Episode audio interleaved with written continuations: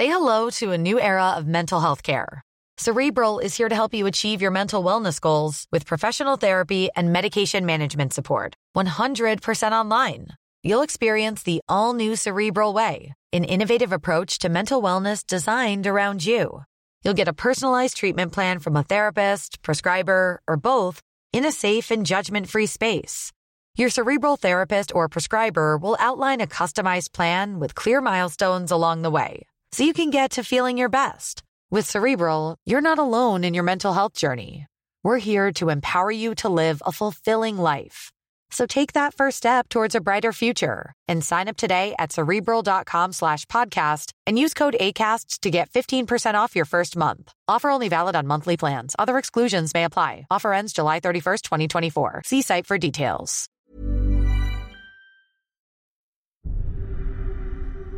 Planet Earth. Home to over 6 billion people.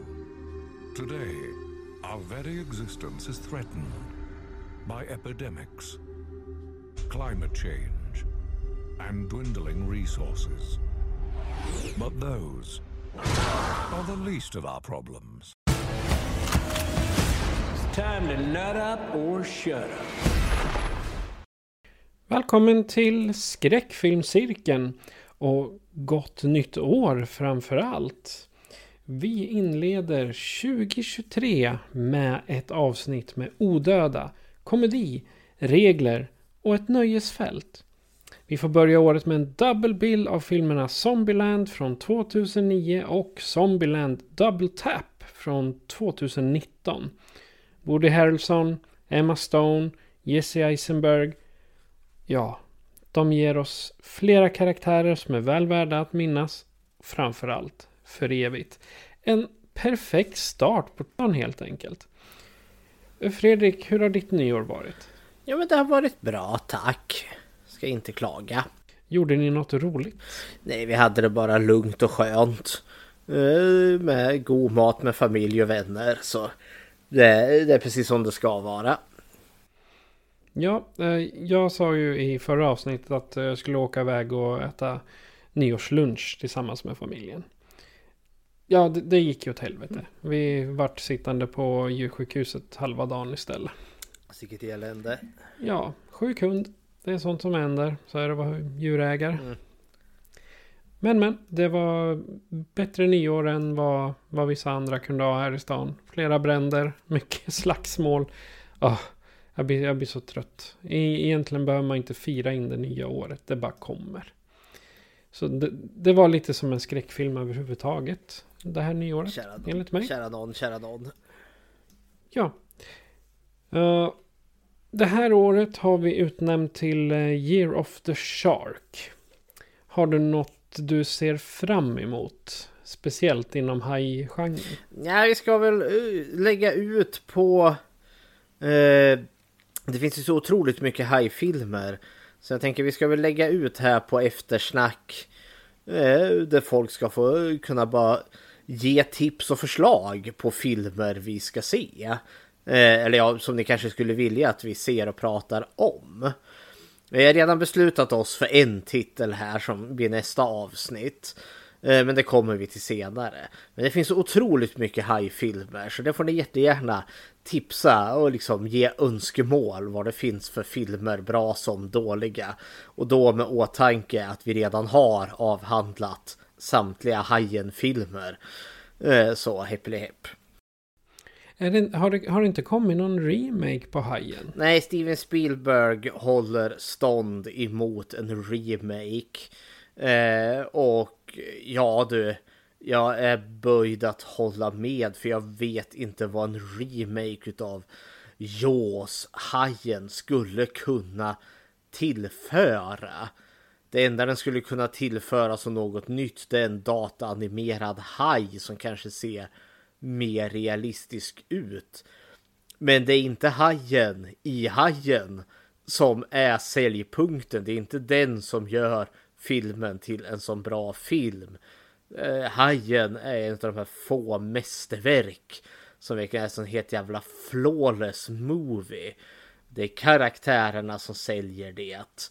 Eh, inte den hemska hajen. Eh, och nej, jag vet bara inte hur man skulle lyckas remakea Hajen och få det att bli bra. Det blir liksom inte Hajen Bruce utan det blir någon sån här Hajen CGI enbart. Ja, men vissa filmer lämpar sig inte för remake. Det är som att remakea Gudfadern. Varför då? Nä. Varför då? Nu har ingen gjort det, men liksom nej. Tack och lov. Eh, och vissa filmer bör då inte remakas eller har liksom ingen direkt... Ja, det finns ingen anledning till att remakea dem. Hajen är en sån där som jag har jättesvårt att se skulle kunna funka i en ny tappning. Så hepp. Ja, men de, de försökte ju med, med Motorsågsmassakern och hur bra gick det? Ja, det... Liksom, det var ju mera en... Det var inte ens en eh, ny film. Det var ju mera en... Eh, vad ska man säga? En modernare Eh, collegefilm som de hade gjort med Leatherface. Liksom. Ja men då är det ju mer liksom eh, Motorsågs lämpar sig lite bättre för det är ändå som en franchise så vi kan gå in lite mer i pajigt skräckfilmsterritorium göra det till en slasher medan Hajen det är en annan typ av film. Det är onekligen en skräckfilm. Men den har så mycket mer till sig. Det är som att ja, remake The Shining som man faktiskt har gjort. Och det gick ju sådär. Ja, alltså det, det, men där tycker jag ändå att det, det är två separata, separata takes på samma bok. För det ena, ena är ju faktiskt en miniserie, det är ju inte en film. Utan, och Dan Torrance har helt andra upplevelser i den mot vad han har i filmen med Jack Nicholson. Den går ju att motivera om inte annat just för att miniserien är mycket mer trogen Stephen Kings bok än vad Stanley Kubricks eh, filmatisering är. Så där finns Ja, det ju en motiv- motivation att faktiskt göra om den. Men Hajen, nej. Jag, jag kan verkligen inte se vad en nyinspelning här på 2020-talet skulle kunna tillföra. Det, det är en film som jag kommer rata redan innan den är gjord ens en gång. För jag tror genuint inte Ja, på alltså jag, jag tänker inte ens en prequel skulle kunna gå att göra.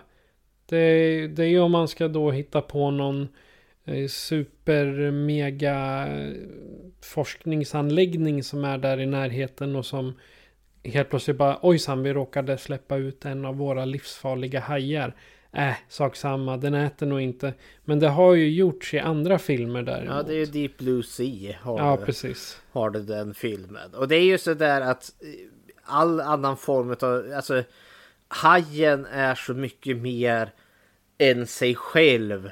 Eh, just att det är inte en pajig skräckfilm utan den innehåller så mycket mer. Ja, ja, hepp. Det är om hajar där då, men det är som sagt. Det finns så otroligt mycket hajfilmer. Eh, Och Ja. väldigt få av dem håller kvalitet. Hajen sitter ju ohotad som eh, bästa hajfilmen någonsin gjord. Ja, äh, det hajar vi allihopa. Men i vanlig ordning då. Jag tänkte fråga dig. Har du sett någonting intressant sen vi... Ja, sen nyår helt enkelt. Jag har sett en hel del ändå. Både bra som dåligt. Men jag tänker fokusera på det som är bra. Jag såg den här Netflix-filmen eh, eh, The Pale Blue Eye. En filmatisering utav en bok med samma namn. Som utspelar sig på ja, sent 1800-tal. I ett vintertungt eh, någonstans i Amerika. Eh, där det sker ett mord. Eller vad de tror till en början är ett självmord då. På en kadettskola. Eh, som militären har. Men kroppen utav den här kadetten som har hängt sig blir skändad. Får hjärtat utskuret. Och eh, skolan vill rädda sitt rykte där och eh, rekryterar en ja, Christian Bale där då som en liten udda karaktär känd för ja, eh, att kunna eh, ja, vara någon form av privatdeckare där då som då kanske kan lösa det här lite diskret. Uh, och så dras han ju då in i en härva här då om vad det är som händer här på skolan. Men eh, han träffar också en ung Edgar Allan Poe, författaren där. En riktig historisk person som, en, eh, som är då kadett där på skolan och han kommer då att blanda sig i, eh, ja, bli indragen i den här eh, mordutredningen för han blir allierad till eh, Christian Bale där. Och det är excentrisk och fascinerande karaktär. Eh, och sen nystar det upp en bra, mörk och tvistad jävla historia om vad det är som händer på den där kadettskolan. Jag gillar den här jättemycket. Eh, och det verkar som att USA har någon form av deckarboom på gång eventuellt. Det här är en tolkning eller en, en spaning jag har gjort. Det började med den här Knives Out 2019 där. Eh, med Jamie Lee Curtis i bland annat. Som var en enormt eh, kändistung sak. Eh, om ett, ja, en mordhistoria på en herrgård där patriarken har gått och dött. Och det finns ju ett jättestort arv och en jäkla massa, vad heter det, släktingar som suktar efter det och alla har ju mer eller mindre motiv till att önska livet till gubben. Den gick ju jättebra och var fantastiskt rolig. Sen kom ju uppföljaren här nu. Eh, The Glass Onion. Också sen stjärn... Alltså alla möjliga kändisar. Edward Norton och eh, David Batista. Och, och The Glass Onion, alltså glaslöken. Jajamensan.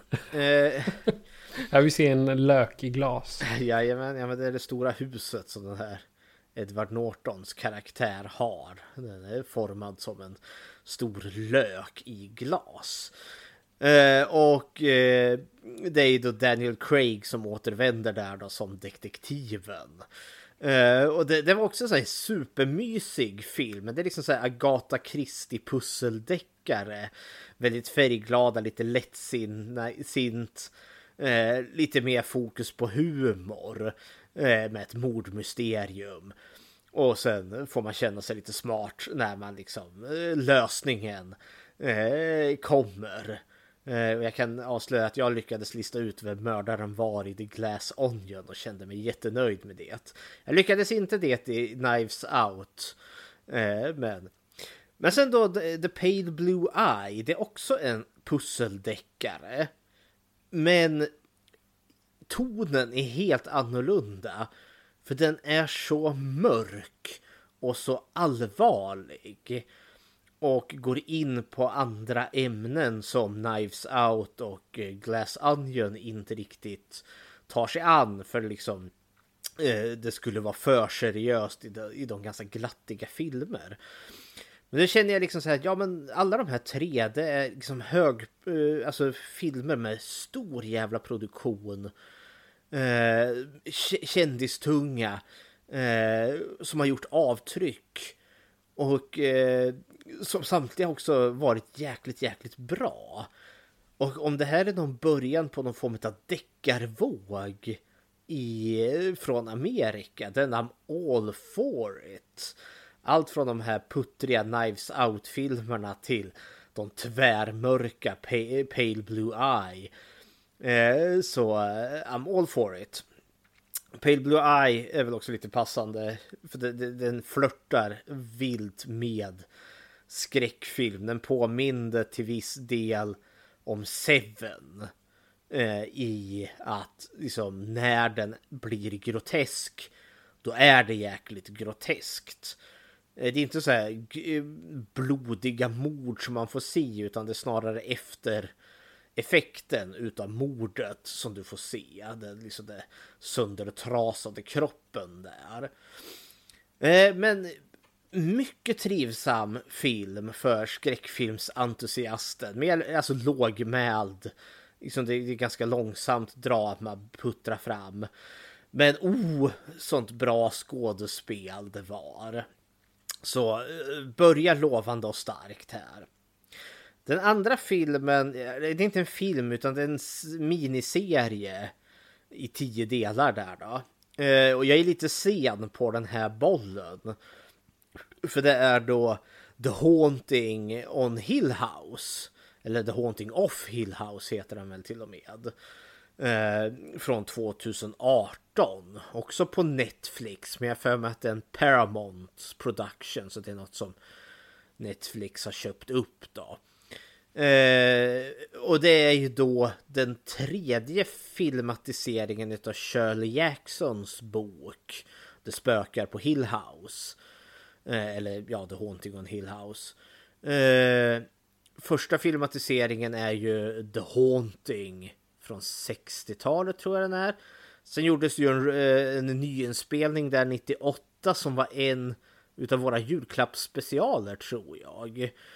Eh, har vi recenserat den. Och den var ganska dålig tyvärr. Det var lite ja, av... vi delade väl med oss av eh, relativt kassa filmer överhuvudtaget. Vi gjorde ju det och den var väl verkligen... Alltså 98, 97 där någonstans. Hollywood ska visa upp liksom vi kan CGI. Det var ett special, specialeffekts orgie. Och det var väl kul för sin egen tid, men liksom det var ju lövtunn story och allt vad det är. There are far worse things waiting man. Boris. eh, men eh, sen kom ju då Mike Flanagan. Eh, jag tror lite det här är hans genombrott eller åtminstone, han har gjort filmer innan dess. Men det här vart väl liksom en stor grej. För Mike Flanagan, han har ju gjort så jäkla mycket bra. Han har gjort Dr. Sömn och Gerald's Game och... Och hej vad det går. Han eh, parar ihop honom med Stephen King och det har varit väldigt lyckat än så länge. Men The Haunting on Hill House jag har inte sett klart den här serien ännu. Men jag kommer ihåg att den fick väldigt mycket positiv kritik när det kom och de liksom flesta sjöng dess lov.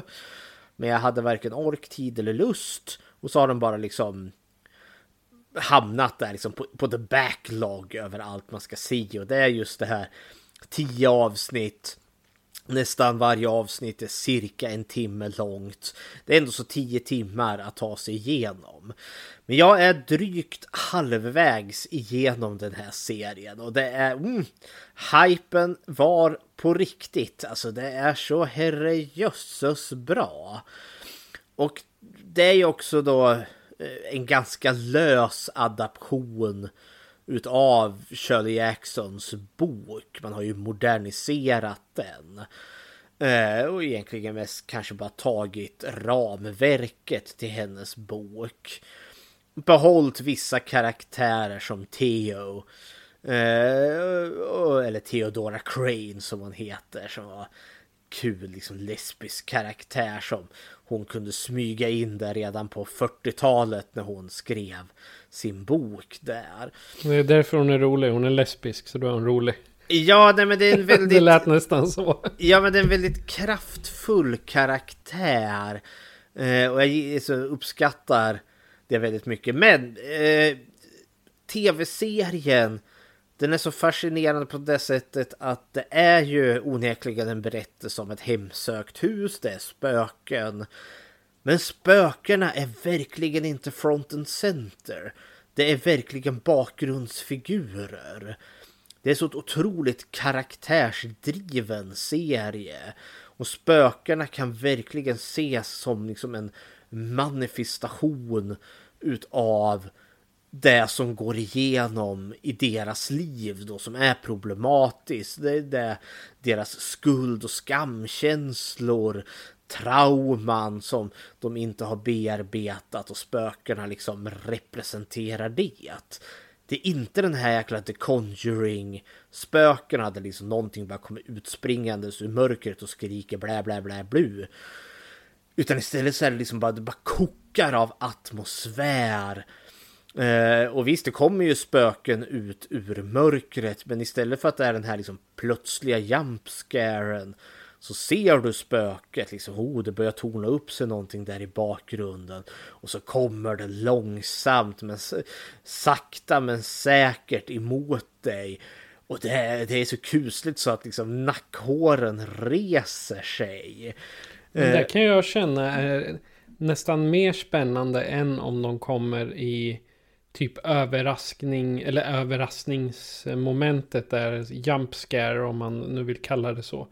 Då känner jag det bättre med Ja men ta som Lights Out exempelvis där de, de släcker och tänder. De släcker, då ser de skuggan av spöket. Tänder det borta. De släcker, de ser skuggan.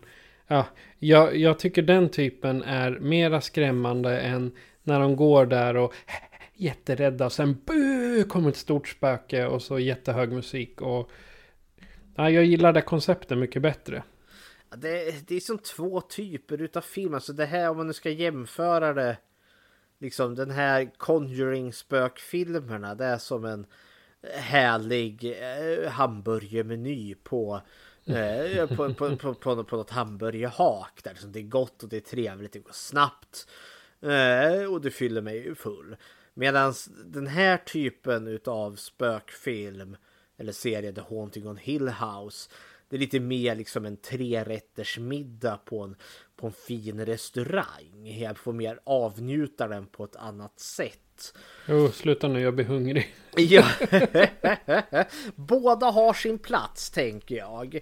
Det är ja, det att man har det är väl bara det att man har så mycket mer av den här plötsliga jump scare spokfesten.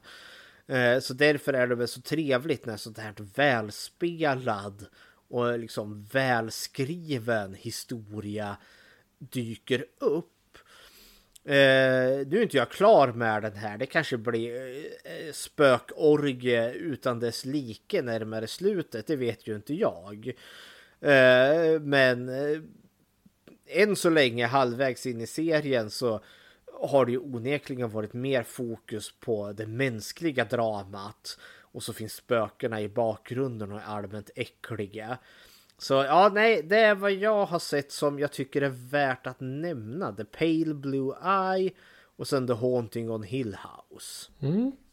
Jag vet inte om jag, om jag nämnde det i nyårsavsnittet, men jag har bingeat, eller bingeat, jo, jag har bingeat för jag har inte kunnat åka iväg så mycket.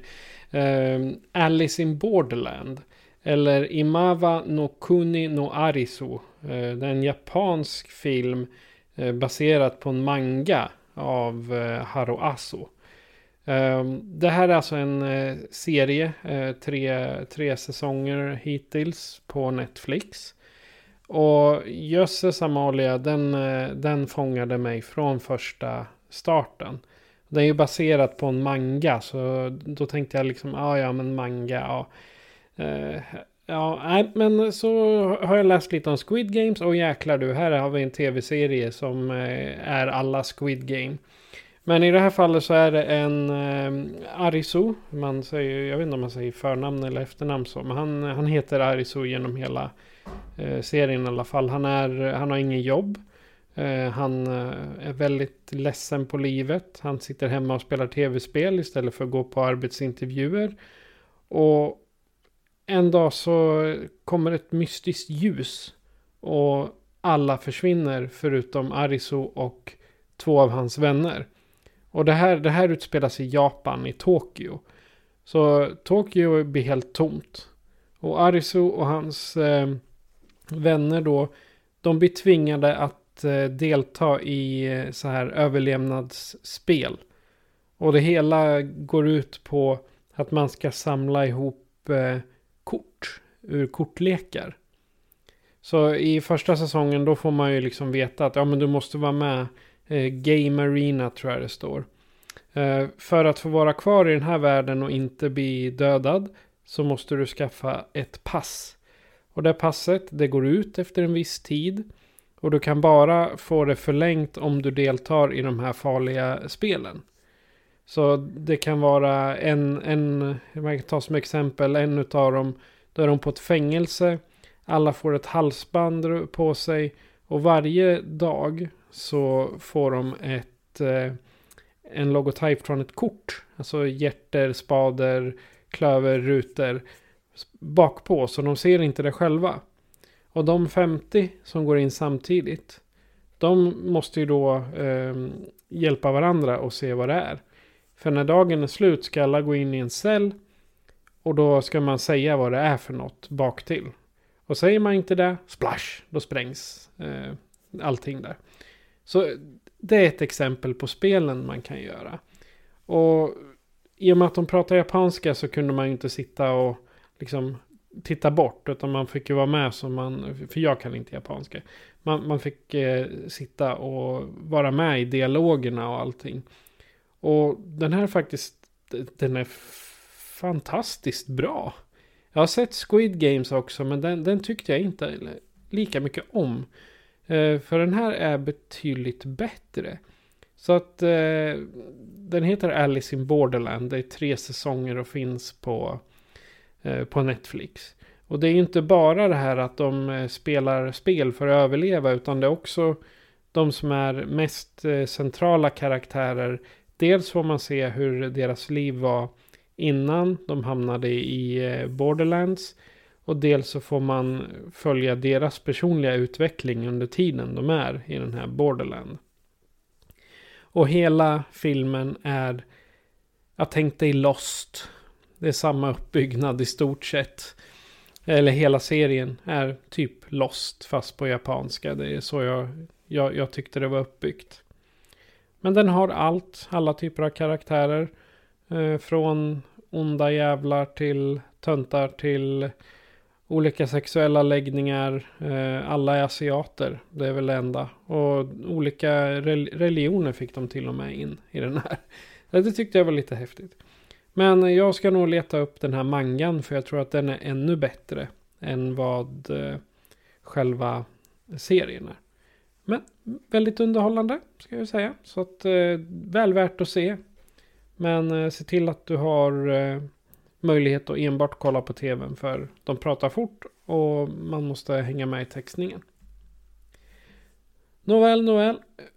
Det är vad jag har tittat på. Jag påbörjade Fringe och tittade om på det också. Men det kommer jag till en annan gång. Jag har bara sett två avsnitt av de sex säsonger mot vad, vad det nu är. Jag såg dem när de kom men ja.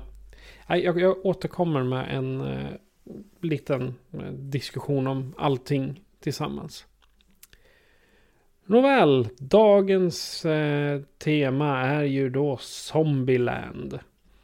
Och det är en double bill. Så jag tänkte vi ger oss iväg 14 år från nu till 2009 och filmen Zombieland. Så här kommer en trailer. Planet Earth. Home to over 6 billion people. Today, our very existence is threatened by epidemics, climate change, and dwindling resources. But those are the least of our problems.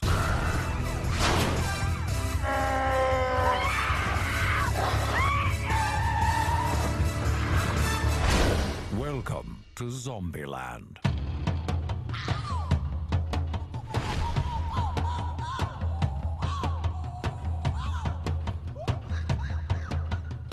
My mother always told me, someday you'll be good at something. I mean, I don't think she could have guessed that that something would be zombie killing. What do you think? Zombie kill of the week? Close, but no cigar. Zombie kill of the week went to Miss Cynthia Knickerbocker.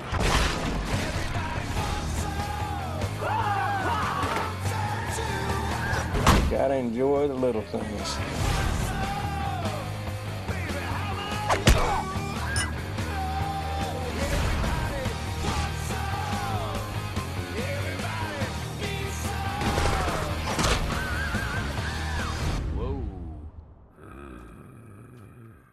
Fellas really let themselves go.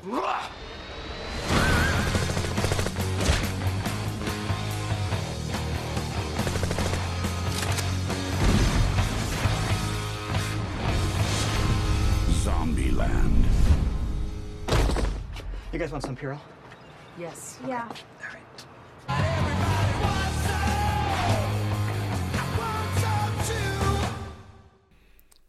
En nördig collegestudent kan tacka sin fega läggning för att hittills ha överlevt en smitta som förvandlat resten av mänskligheten till köttätande zombier.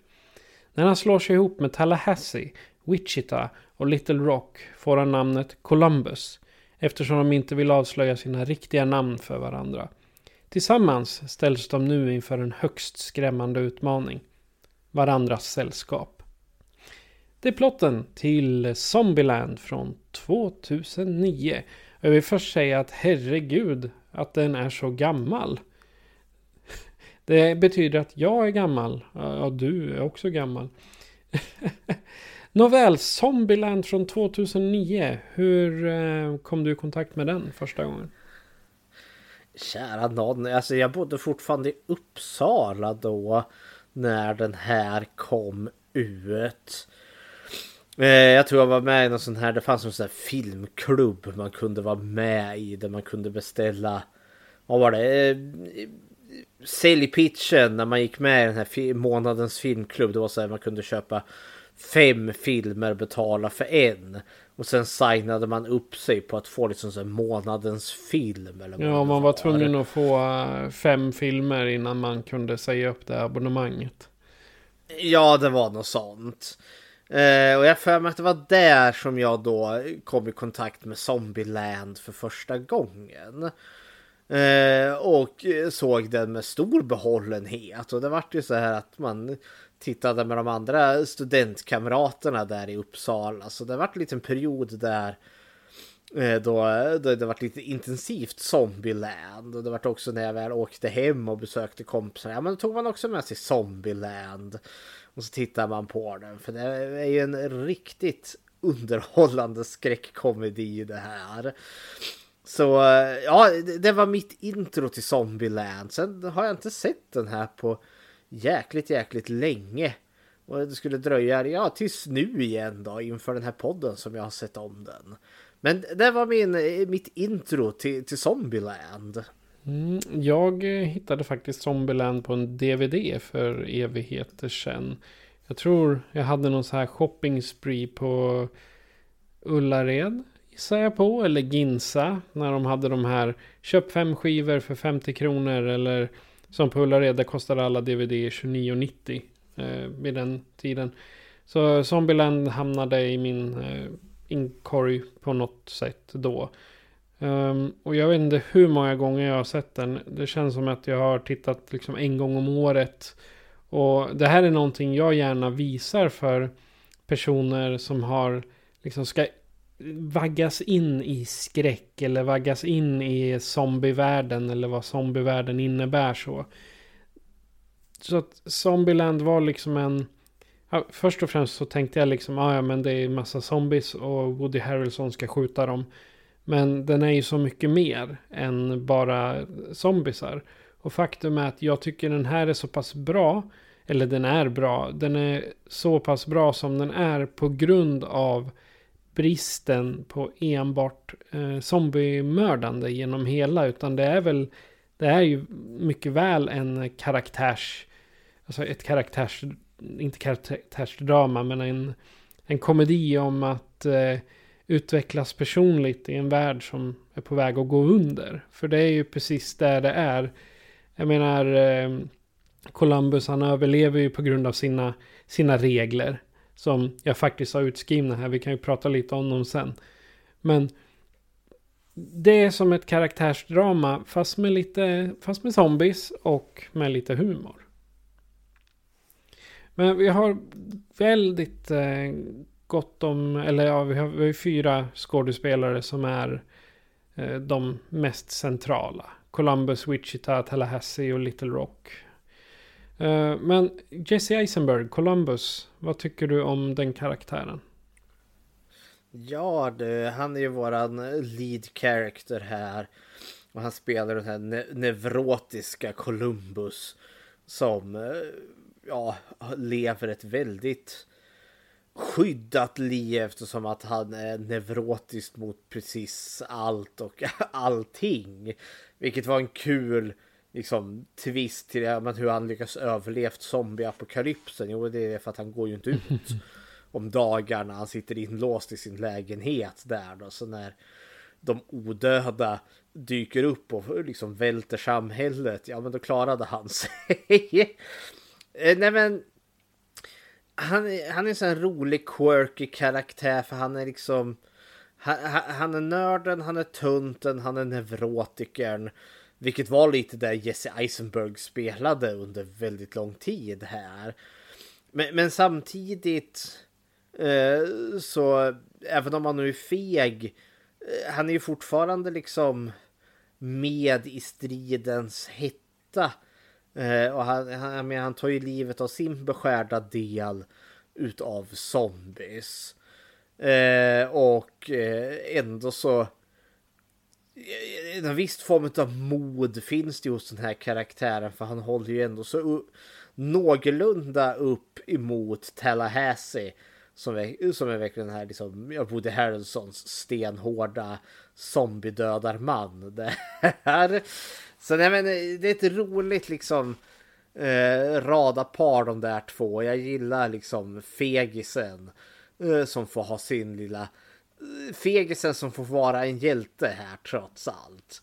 Eh, och det är en väldigt älskvärd karaktär. Det är lätt att tycka om honom och vi får ju höra väldigt mycket utifrån hans tankar. Liksom, vi får ju höra, han är ju berättarrösten till den här filmen samtidigt. Så ja, nej men äh, älskvärd karaktär. Vad tycker du om eh, Columbus? Jag ser ju mig, mig själv i honom. Alltså mitt tidigare jag. Jag var också lite det här.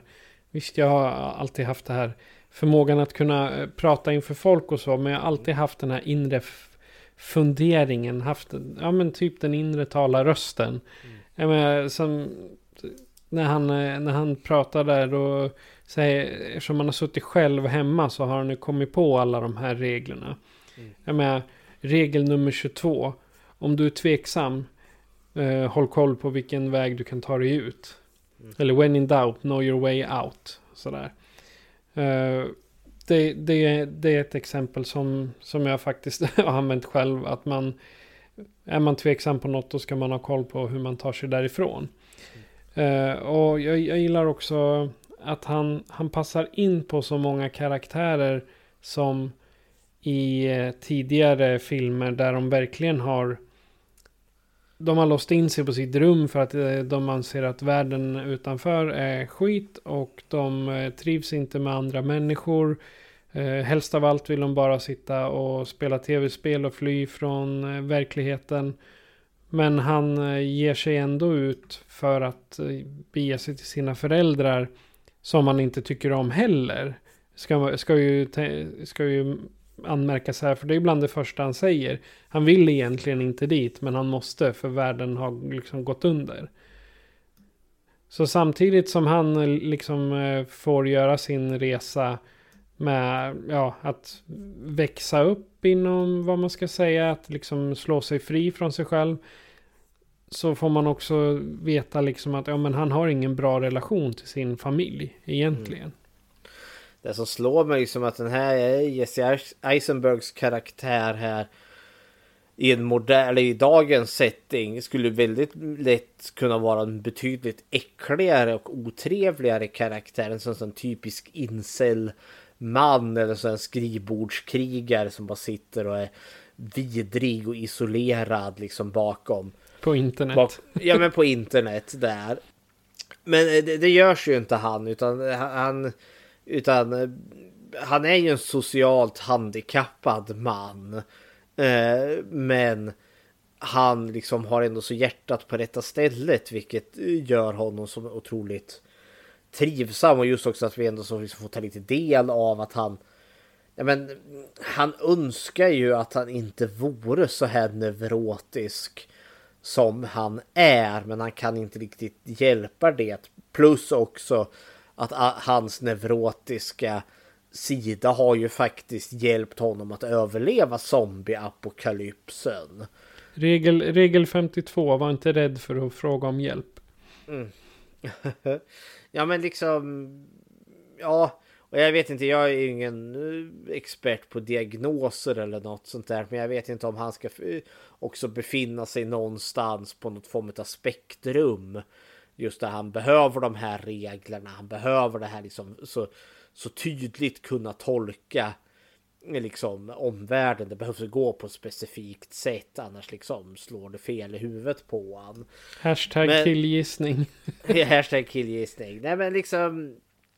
Eh, som sagt, eh, det är lite så här Woody Allen eh, över han också. Eh, fast i en zombieapokalyps.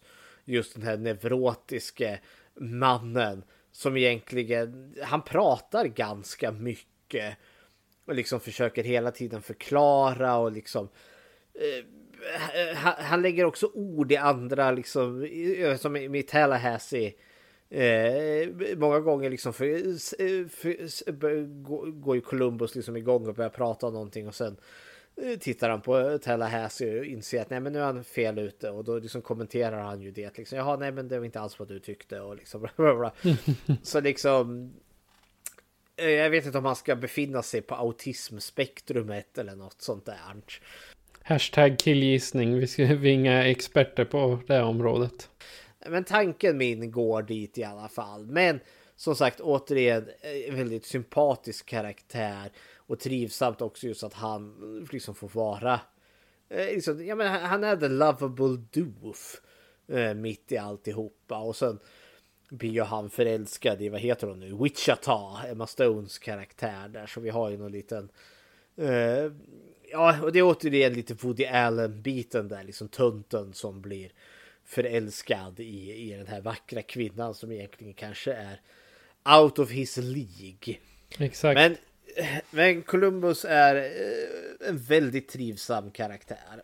Ja, det är han som gör Alltså utan honom, eh, visst det hade kunnat vara en rolig film med Woody Harrelson som skjuter zombies och drar one-liners. Men eh, Jesse Eisenberg gör ändå den här, eh, så att säga, fundamentet för eh, all, all logisk, inte logisk, vad heter det? Den intellektuella eh, konversationerna som är att liksom han, han håller bort eh, eh, Wood, eh, Woody Harrelson, Tallahassee från att bara dra one-liners som stand-up komiker i stort sett. Ja men de är ju varandras motsatser. Ja. Eh, Columbo är ju verkligen Ja men liksom han har sina regler, han är liksom den superrationelle. Liksom det, det måste gå till på väldigt övervägt sätt hela tiden. Medan Tallahassee är ju liksom skjut först och fråga sen. Han är ju mycket mer impulsiv. Ja. Vi kanske ska gå in på Woody Harrelsons karaktär då. Ja, det tycker jag. Eh, ni hörde ju i intro till det här avs avsnittet. Um, let's load up och get fucked up eller vad han nu säger. Ja. uh, vad tycker du om Tallahassee? Alltså jag älskar ju Woody Harrelson överlag. Hans eh, sätt att eh, illustrera en typ hillbilly. Fast eh, han är, jag tror inte att han är där i verkligheten. Men han älskar sin bil och han älskar sina vapen och han, han anser sig själv vara en, en, en ensam varg som klarar sig bäst själv. Men eh, man ser ju också när, när de börjar dela på sig, ja det slutar med att han åker tillbaka i alla fall. För han vill inte vara själv egentligen. Och jag tycker liksom Tallahassee är egentligen han, han blir väl egentligen som en storebror till Columbus. Alltså lär upp honom lite med det här. Ja men du, du måste tuffa till dig eller ja. Och sen i slutändan så blir ju de värsta radarparet där. De säger bara slå inte, slå inte. Och så studsar han ner och sen slå, smack. När de har ihjäl någon zombie eller vad det kan vara. Mm. Ja men de är ju, det, det är ju lite av en eh, ja, filmvänskap eh, som byggs upp här i och med att det är det här udda paret. Hade det varit en sån här poliskomedi eh, så hade det ju också varit en udda, ja men typ dödligt vapen. Eh, Mel Gibson och Danny Glovers karaktärer. De är väldigt udda men de kompletterar varandra väldigt väl. Eh, ja men och det... Tallahassee, han är ju väldigt mycket mer... Han är ju actionsnubben och Woody Harrelson är alltid väldigt trevlig och han har en jäkla komisk talang. Han spelar ju också här någon... Ja, Bruce Campbell Ash från Evil Dead-esk karaktär. Liksom full med, med one-liners. Och liksom... Eh, ja, ja kick-ass snubbe som liksom eh, skjuter zombies så det härliga till. Men samtidigt får han ju också så massa eh, knasiga quirks. Som att han liksom han, han är på jakt efter en jäkla Twinkie. Ja, just det.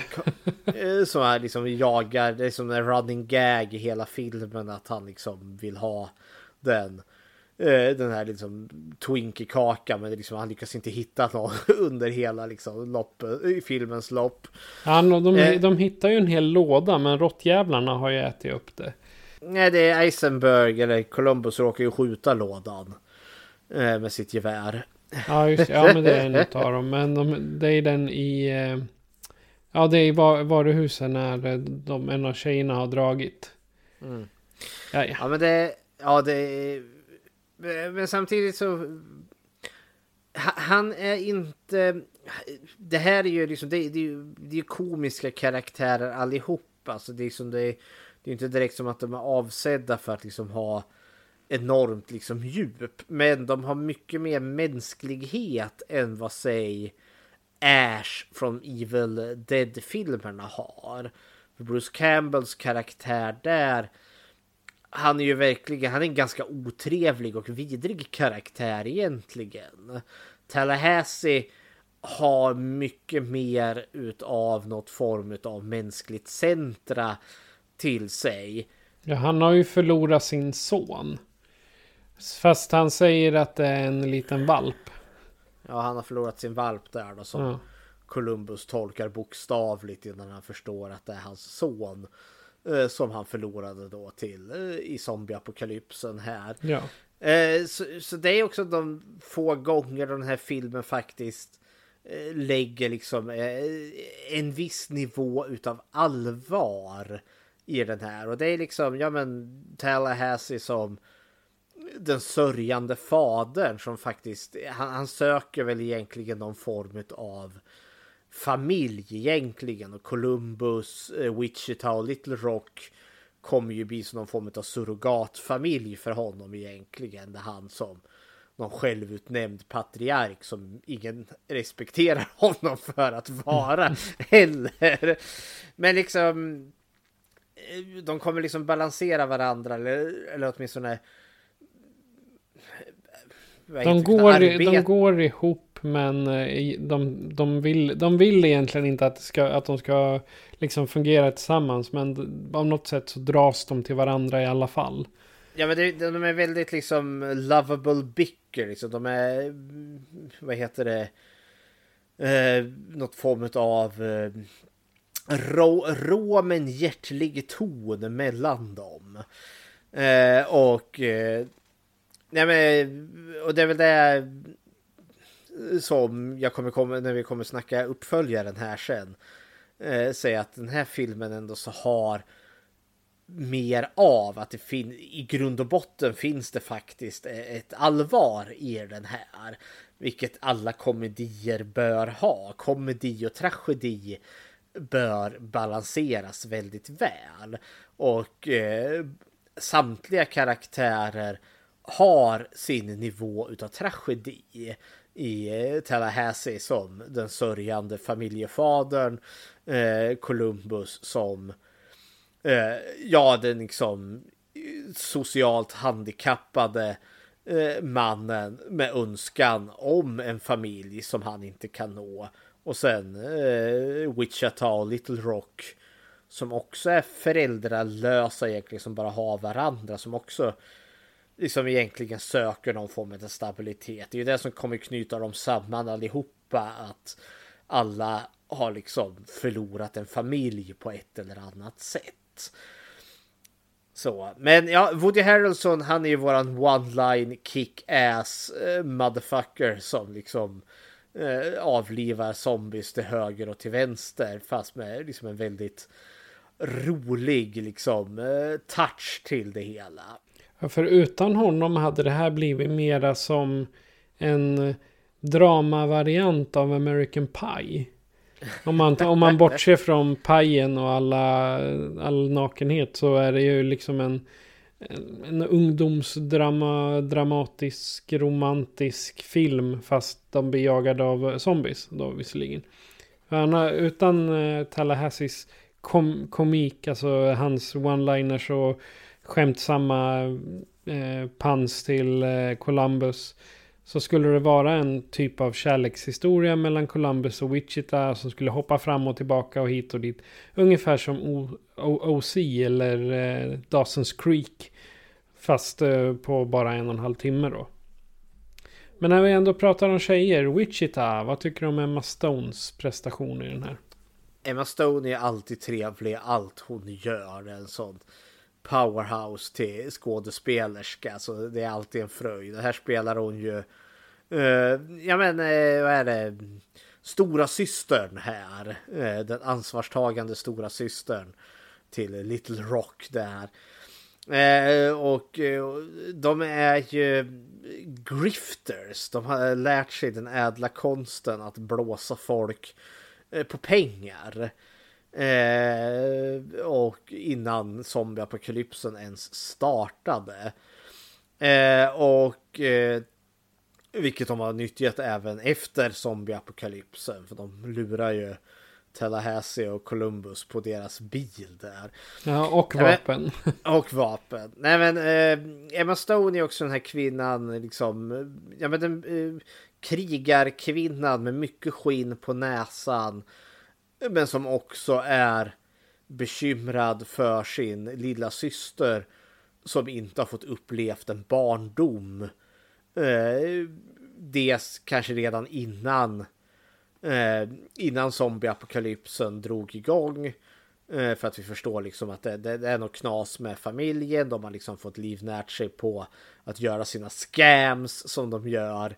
Och det är liksom, ja det är inte ett sätt att leva liksom för plotten med de här sen blir ju att de, de ska ju eh, ta sig till tivoli som fortfarande finns för att ha liksom hon vill ge sin lilla syster en en awesome uh, moment mitt i den här jävla apokalyps wastelandet.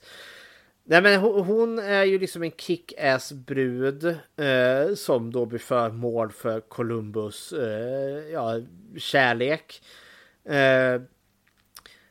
jag tycker det är trivsam liksom, karaktär. Men jag ska ge det att de här tjejerna, de kvinnliga karaktärerna har inte riktigt, de är inte riktigt lika mycket fleshed out som eh, de manliga karaktärerna Columbus och Tallahassee. Det kan ju också göra med att vi får lära känna Columbus och Tallahassee eh, mycket mer eftersom att eh, Wichita och Little Rock kommer ju ändå så in typ en halvtimme in i filmen. Eh, så, men ja, eh, awesome kick-ass brud får jag väl kalla det. Vad tycker du om Wichita? Ja, men jag säger som dig, Emma Stone är bra i allt hon gör. Så är det. För eh, ja, jag, har, jag har svårt att se någon roll som hon absolut som hon har totalfailat i. Det, men den här i alla fall är hon verkligen. Eh, hon, är, hon är stora syster och en stora syster kan ju antingen vara väldigt oh, småsyskon, god damn. Men jag är storebror själv. Så ibland då är småsyskonen jättejobbiga. Men eller så är de eh, att man blir eh, superskyddande. För som de då, om de är liksom resande bedragare så det betyder att deras föräldrar inte riktigt skötte dem som de skulle. Det är så jag tänker. Och eh, eftersom som då stora systern Emma eh, Wichita har varit tvungen att ta hand om Little Rock eh, hela tiden så har ju hennes, hennes modersroll blivit istället för att vara en stora syster. Förmodligen har väl mamman och pappan kanske eh, snortat knark eller om de har supit eller helt enkelt inte varit där överhuvudtaget. Så Wichita har blivit en mamma tidigt åt Little Rock. Så att jag, jag säger det, hon, eh, när hon kommer in och Columbus börjar vara kärlekskrank på henne. Då är det liksom inte en sak till hon får. Det är den tanken. Eh, så kände jag för, för hennes skull. Mm-hmm. Mm. Ja, hon kände ju inte samma sak. Det, liksom, det finns inte utrymme för henne. Eh, hon sätter sin lilla syster framför allt. Så Columbus, eh, hans affektion till henne, ja. Eh, och Tallahassees liksom kick-ass nivå. Det är något som de kan nyttja till sin fördel. Men sen kommer hon alltid liksom sätta sin lilla syster i första rummet om det så behövs. Men sen är det väl också. Men sen är det väl också där liksom att eh, ja, den mur som hon har rest. Ja, den naggas väl lite i kanten ändå eh, tack vare Columbus där då liksom att ja men eh, i slutändan kan hon släppa garden lite och kanske släppa in dem. Så ja, hepp. Ja, Little Rock. Ja. Eller Abigail eh, Breslin som hon heter mm. i verkligheten. Lilla syster där då. Ja.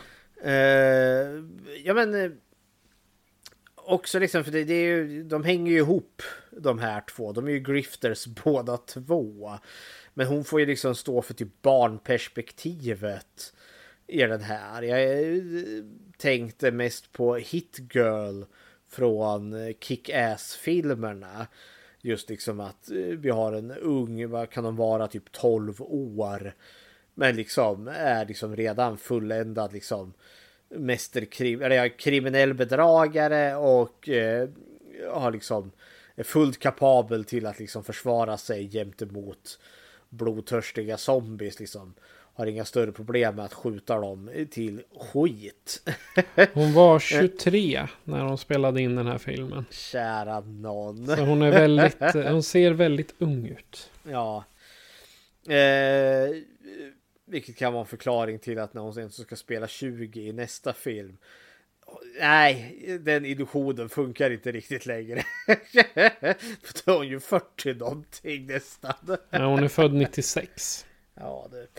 Nej men, eh, ja men eh, som sagt, eh, hon är liksom mer, men hon, hon, fungerar ju lite som någon form av, eh, hon kan ju slänga käft med Tallahassee där. Det är ju mest de som liksom butt heads mot varandra. Eh, men hon kan liksom stand her ground och liksom är verkligen, ja men en tuff liksom liten tjej. Men samtidigt liksom så finns det en del utav, ja men det här barnet i henne som liksom bara vill ha den här barndomen som hon aldrig har fått då.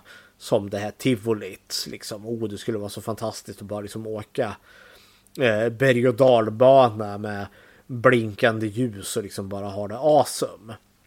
Eh, så liksom det finns ju den biten också. Jag tyckte det om Little Rock. Ja, jag tyckte hon var awesome. Men, eh, jag vet inte om det sägs i, eh, i filmen men på något ställe så kallas hon för Little Bitch bara för att hon är så otrevlig liksom. Men hon är också en sån här, om hon bara är 13 år i, i, eh, som, i karaktären då.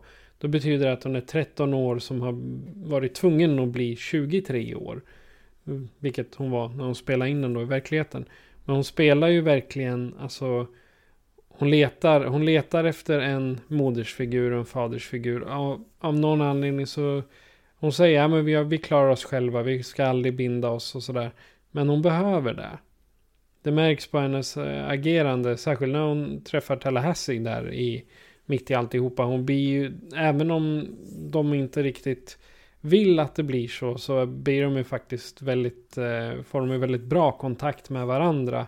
Och han blir som en fuskpappa åt dem, ja egentligen alla tre.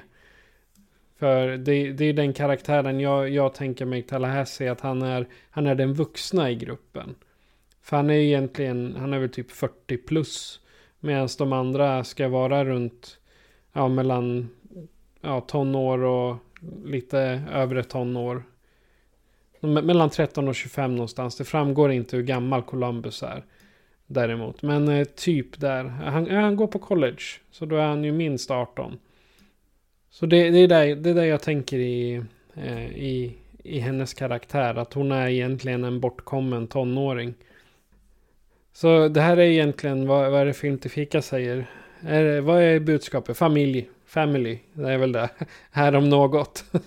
Här om något är det familj som är budskapet. Okej, vi ska väl göra en kort shout till eh, Bill Murray också. ja, det ska vi göra. Som spelar sig själv där då. Ja. Eh, som dyker upp i mitten av filmen när de beslutar sig för att crasha eh, ja, Hollywood. Och liksom, de ska bo i, sova i stil och då tar vi in på någon av stjärnornas hus och då har de valt Bill Murray. Och det visar sig att han är ju inte död. Nej. han har bara fejkat att han är zombie för att kunna röra sig bland zombiesarna. Det, det är väl lite en kul cameo mitt i alltihopa. Det är lite en liten, eh, vad ska man säga, en liten hint till The Walking Dead också. Jaså? Ja, i The Walking Dead då klär de ju in sig i, eh, både i Fear the Walking Dead och The Walking Dead så smörjer de ju in sig i eh, inälvor från zombies. Ja. Och då blir de liksom maskerade, eller vad man ska säga. Zombierna kan inte känna doften av dem då. Nej, precis. Ja, men det är en kul kan han spelar sig själv. Eh, slutar ju med att eller Columbus skjuter ju honom av misstag där då, då han ska utsätta Columbus för ett prag som är så vansinnigt korkat egentligen. Han ska smyga upp på honom liksom och låtsas att, att han är en zombie. Ja, eh, vad trodde de skulle hända? Klart som fan att han skjuter. Ja, men hur många zombies har de inte varit tvungna att skjuta under resans gång? Och så ska de, sitter de och kollar på Ghostbusters och då... Jajamensan. Ja, och då är han tvungen att liksom skjuta. Ja, nej, jag blir inte klok på det här. Men det är, del, det är en del i komedin i den här filmen. Just att eh, de skjuter ihjäl Bill Murray i Ja. den. Och där, där kommer Tallahassee. You fucking killed Bill Murray! Den enda hjälten liksom enligt eh, Tallahassee då. Ja. Det är, det är också något sånt här. Tallahassee blåser ju upp saker och ting och säger enormt. Bill Murray är ju en helt fantastisk människa. Den största komiker som någonsin har gått. Mm. Och sen i uppföljaren Double Tap då är det ju Elvis Presley istället. som är liksom den stora hjälten som han Ja. idoliserar. Ja, ja men vi, vi kommer dit också. Eh, sen eh, har vi också en annan kändis som livestreamades här väldigt, väldigt mycket. Och det är Amber Heard. Rum 406 där Ah. det är hon som eh, vad heter det kommer in till Columbus där då Ja, det. zombieapokalypsen bryter ut. Så är det. De ska ha lite kuttra sju men eh, de... Eh, eh, ja, hon visar sig vara någonting annat. Hon, hon, hon kommer ju dit i panik för att hon har blivit attackerad Ja, av en hemlös man säger hon som försökte bita henne. Och mycket riktigt så vart hon ju biten och eh, sen då förvandlas hon ju. Eh, och blir en zombie där som attackerar stackars Columbus. ja. Och då kommer han ju in, in på en utav, eh, en av reglerna. Det här cardio. För eh, alltså, du, du ska ha god kondition. När viruset kommer så är det uppenbart att de feta dör först. Och när, i det här tillfället, det är då, jag tror det är då han nämner det första gången. Så springer han och springer och springer. Ja. Ja, nej men eh, så visst, Amber Heard gör väl en liten tidig, eller ja, hennes stora genombrott har väl inte direkt kommit men det har väl börjat här. Så det är väl kul att se henne i början här nu för hennes karriär är ju eh, med största sannolikhet över om hon inte lyckas göra någon comeback här efter den här rättegången mot Johnny Depp. Ja, PR-tricket är, det var ju ingen bra PR-trick för deras del. Någon av dem. Johnny Depp verkar ju vara på väg tillbaka. Han fick någon liten revival med den här eh, rättegången medan Amber Heard tror jag är lite rökt som det ser ut just nu. Ja. Eh, då, vi har pratat om alla karaktärerna. Sen, eh, vi ska väl säga zombien där, det är ju Derek Graff. Han är ju jättekänd eh, stuntman. Som gör den här gigantiska so- eh, clownen i slutet. Det, men det är det enda. Vi, vi har gått igenom alla karaktärer som är någonting. Eh, men jag tänkte vi går vidare till platserna. Och vi diskuterade här lite innan. Det här är ju en road movie. Jajamensan. vi rör ju oss från plats till plats här. Under filmens gång så rör vi oss från Texas till Arizona till Kalifornien. Med korta stopp här och där. Eh, många gånger så stannar de ju vid köpvaruhus eller något sånt där. Och den stora finalen är ju på ett tivoli. Regel nummer fyra. Ha säkerhetsbälte. Mm. Ja, nej men eh, det här är ju eh, som sagt en film som är på rörelse. Men vi, vi är ju som ändå så i en postapokalyptisk värld. Det är ju mycket så här eh, kraschade bilar längs motorvägarna här. Jag tycker de lyckas sälja den här illusionen ganska bra ändå om, om världen som har gått under efter zombieapokalypsen. Eh, och finalen eh, på tivolit eh, är synnerligen trivsam och funkar liksom väl i en sån här liksom överdriven eh, film. Just liksom ett som, eh, där liksom zombiehorden kommer inrusandes liksom på de här blinkande liksom eh, tivolibanan. Och det, liksom, det är kamp mot de odöda på berg och dalbanan i spökhuset på fritt fall och allt vad det nu är. Så liksom eh, i och med att filmen är liksom en sån eh, eh, ganska pajig komedi så nyttjar de det här då till bästa sätt tycker jag. Jag skulle gärna så... se den här på Gröna Lund eller på Liseberg. Mm -hmm. Ja, men de lyckas ändå få den här bilden. Den känns av liksom zombieapokalypsen efter samhället har gått under. Eh, och ganska nyligen gått under ändå. För det kan liksom inte vara så många månader efter samhällets stora kollaps. Efter att den här, eh, när den här väl utspelar sig. Nej, precis. Ja, det, det gillar jag. Det är lite som i de tidigare säsongerna av The Walking Dead då liksom samhället ganska nyligen har gått under. Uh, alltså det, så, det enda, enda sättet att överleva är att hålla sig på resande fot.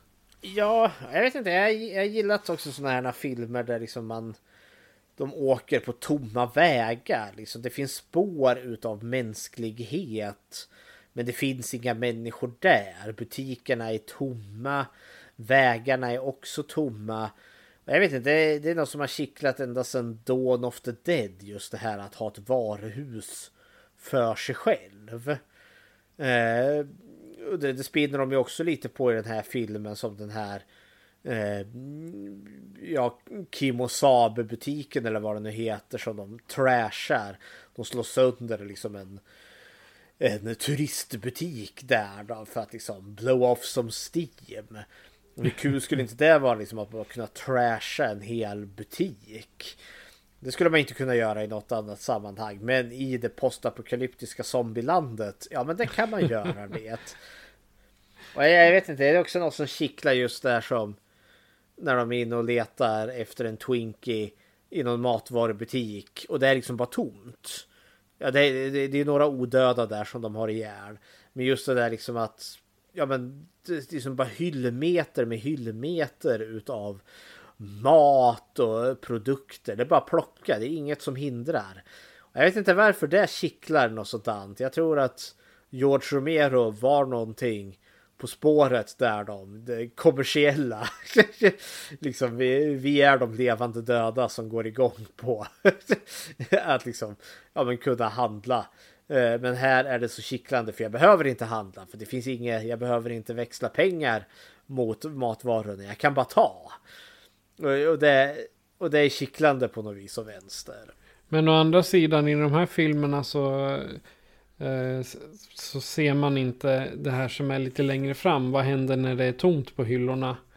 Mm. Det finns ingen matproduktion. Nej, det är just det här. För det här funkar ju bara i det tidiga skedet på apokalypsen. Sen... Eller, eller så funkar det för att eh, Umbrella har sina hyd hydrauliska farmar under marken. ja, det, Nej men liksom för det här, det här är ju liksom någon form av fantasidröm. Som sagt bara funkar liksom i det tidiga skedet för ett halvår från att samhället har kollapsat här, ja men då är allt ruttet och förstört. Eh, och det kommer ju ingen ny produktion av det hela. Så liksom, ja, det är ju liksom bara eh, en, en sakta undergång här egentligen. Så häpple häpp. Det blir i alla fall ingen nyproduktion så länge ingen odlar. Eller Nej. så. Nej, men jag vet inte. Jag har alltid tyckt det var lite kittlande det här med det tomma samhället. Och det brukar man allt som oftast få i, i zombieapokalyps. Åtminstone när de utspelar sig i städer. Uh, och jag vet inte. Uh, det, det, är något kittlande med det. Att liksom, där I städer som ska vara fulla med människor är tomma på människor istället. Det, det är en bizarr känsla. eh, som är lite kittlande för mig tycker jag. Så just det, men den här lyckas, eh, Zombieland tycker jag lyckas sälja den här eh, apokalypsen väldigt, väldigt, väldigt väl. Så häpple häpp. Häppeli häpp ja. Men vi har varit på, det är egentligen den enda platsen de verkligen är på länge. Det är ju på själva eh, tivolit eller om man ska säga. Annars så är det mer att de är på ett ställe lite grann och så åker de till nästa. Och ja, det, det är så de tar sig. Eh, jag, jag ska säga det coolaste i, på tivolit är Woody Harrelson i vad det nu är för kur han står i. Och alla de eh, zombies som han skjuter ihjäl. Och jag fattar inte hur hans två, två, eh, två pistoler räcker till. För det är 30, 30 kulor i de där magasinen. Och han har fyra magasin. Är det så många, är det så få zombies? Japp, men vi kommer ju då till eh, det vi egentligen har som, som huvudtema, eller huvudattraktion. Det lilla hotet här. Vad säger du om hotet? Vad är det egentliga hotet? Ja, det är zombierna som är hotet. Eh, rätt och slätt. Eh, och det här är ju väldigt klassiskt. Ja, det är den moderna zombien i och med att de springer. Vi får väl reda på att eh, i och med att det här är en komedi att liksom Ground Zero är en smittad hamburgare eh, som någon har ätit. Och, eh, och sen har liksom då zombiesmittan spridit sig därifrån. Men det här är liksom eh, zombierna är liksom väldigt brunaktiga. De är kletiga, smetiga, har de här svarta ögonen. Och filmen är väldigt gory för det är väldigt mycket liksom bita, slita köttstycken eh, från. Eh, så, så den är grafiskt värre. Eh, men samtidigt är zombien aldrig riktigt otäck i den här filmen. Det är kanske inte förrän i, i slutet då liksom eh, zombiehorden attackerar tivolit där. Då börjar liksom filmen mer ta zombierna liksom som ett porträtterar dem som ett hot. Och där är det ju mest för att de är så jäkla många. Innan är de mest liksom en nuisance. Eh, liksom, och många gånger liksom the butt of a joke. Eh, med liksom the zombie kill of the week och allt vad fan det nu är. Men det är Och ju det en liksom- grej som, som, bara, som bara är för skojs skull. Jo, Det, är men liksom ju, då- det, det tycker jag gör... Eh, ta bort det här allvaret från att det handlar om zombisarna till att det är verkligen en spelfilm. Mhm. Ja men det är ju att verkligen liksom sätta komedin i det hela. För det här är ju så, det är inte 28 dagar senare där zombierna är otroligt skräckenjagande. Utan det här är ju liksom eh, mer clowniga, pajiga eh, zombies. Men som ändå så liksom får vara ett rejält hot när det väl blir. Men mycket kanonmat. Det är väl ett hundratalet eh, zombier som går åt i den här filmen. Men eh, ja, zombies som zombies är i de moderna zombiefilmerna. Ja, vi har en, eh, en cameo eh, i form av Rhett Reese. Han som har skrivit Deadpool. Ja, ja. Kommer in i, i början med ett gevär. Skjuter zombies. Mm. Det var enda cameon jag lyckades hitta. En annan rolig grej är att Woody Harrelson, han är vegan. Mhm. Och han jagar Twinkies. Som innehåller både ägg och köttfett. så. Då så. Um, jag tycker också hotade är bara zombisarna. Uh, jag, ska nog säga det, det, största hotet här vore ju om, om uh, all komedi försvann. Om den här skulle liksom trollas över och bli uh, helt plötsligt väldigt allvarlig, vilket den aldrig blir. Den håller sig till, till den här lätta tonen hela, hela vägen, även när de eh, bråkar eller för Little Rock och Wichita, de eh, ger sig iväg helt plötsligt där en, en dag. Eh, själva. Utan, eh, vad heter de? Ja, det är efter de har dödat Bill Murray, då delar de ju på sig. Så jag skulle säga det, enda hotet som, eh, som jag kan uppleva det är när om, om de skulle liksom dela på sig. Det är det riktiga hotet. Att familjeförhållandet inom citationstecken skulle försvinna. Mm. Har du gjort något Bechteltest på den här? Jajamensan, det har jag gjort. Uh, och vi har ju uh, de tre frågorna där då. Och fråga nummer ett är det ju, finns det uh, två eller fler namngivna kvinnliga karaktärer. Och vi har ju Wichita och vi har ju Little Rock. Och så har vi 406 Amber Heards karaktär. Möter de någonsin varandra? Eh, ja, Little Rock och Wichita de är ju liksom, de hänger ju ihop så de är liksom som ett radarpar där. Och fråga nummer tre. När de möter varandra pratar de om någonting annat än män. Och det gör de ju. Lite eh, Wichita och Little Rock de pratar ju bland annat exempelvis om hur det är att vara på tivolit och sådana saker. Och sen liksom när de ska grifta eller lura eh, Columbus och Tallahassee. Eh, ja, från bilen där i början. Eh, så Zombieland klarar Bechteltestet. Perfekt. Det var Zombieland från 2009. Vi kanske ska ha ett slutord till den här filmen ändå. Okej, okay, varsågod. Du får börja. Ja, nej men jag eh, uppskattar Zombieland. Det här är en genuint bra skräckkomedi.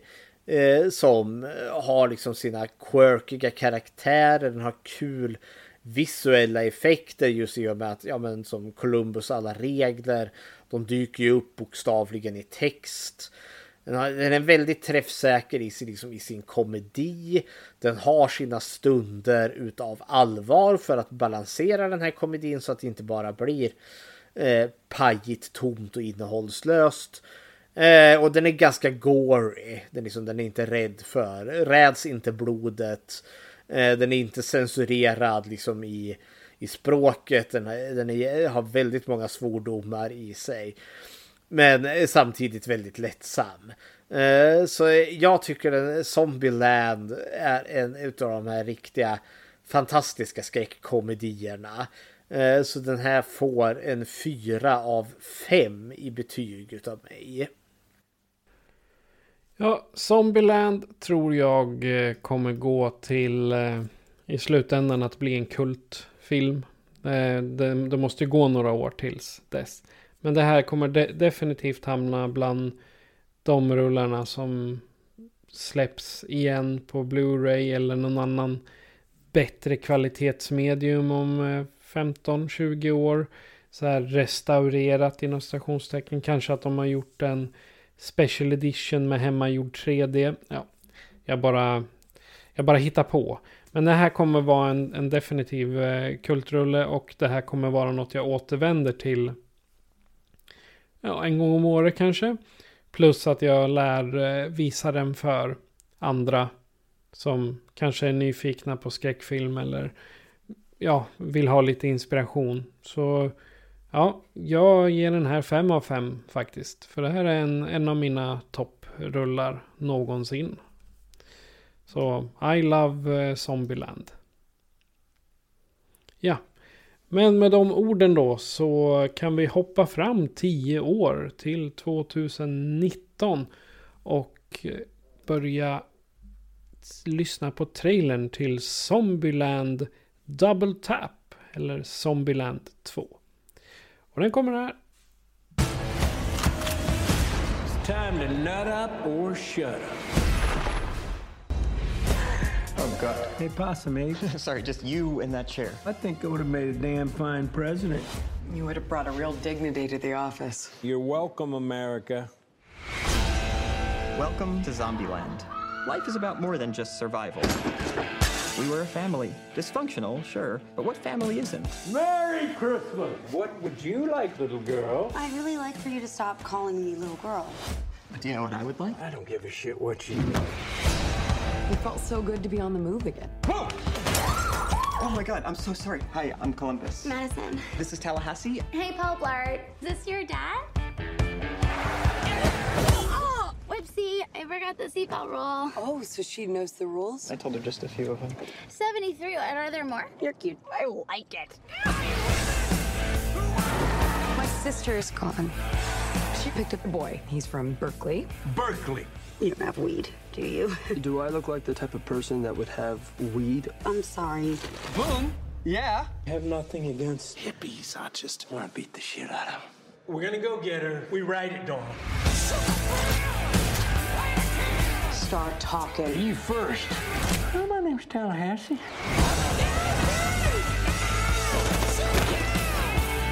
Die, zombie! Light 'em up!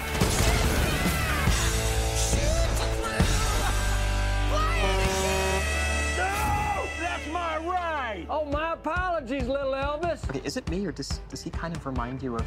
I don't like you. At all. I think you double parked. or more perpendicular parked. Hope we don't get a ticket. What is going on here? What? Hello, everyone. Am I hallucinating?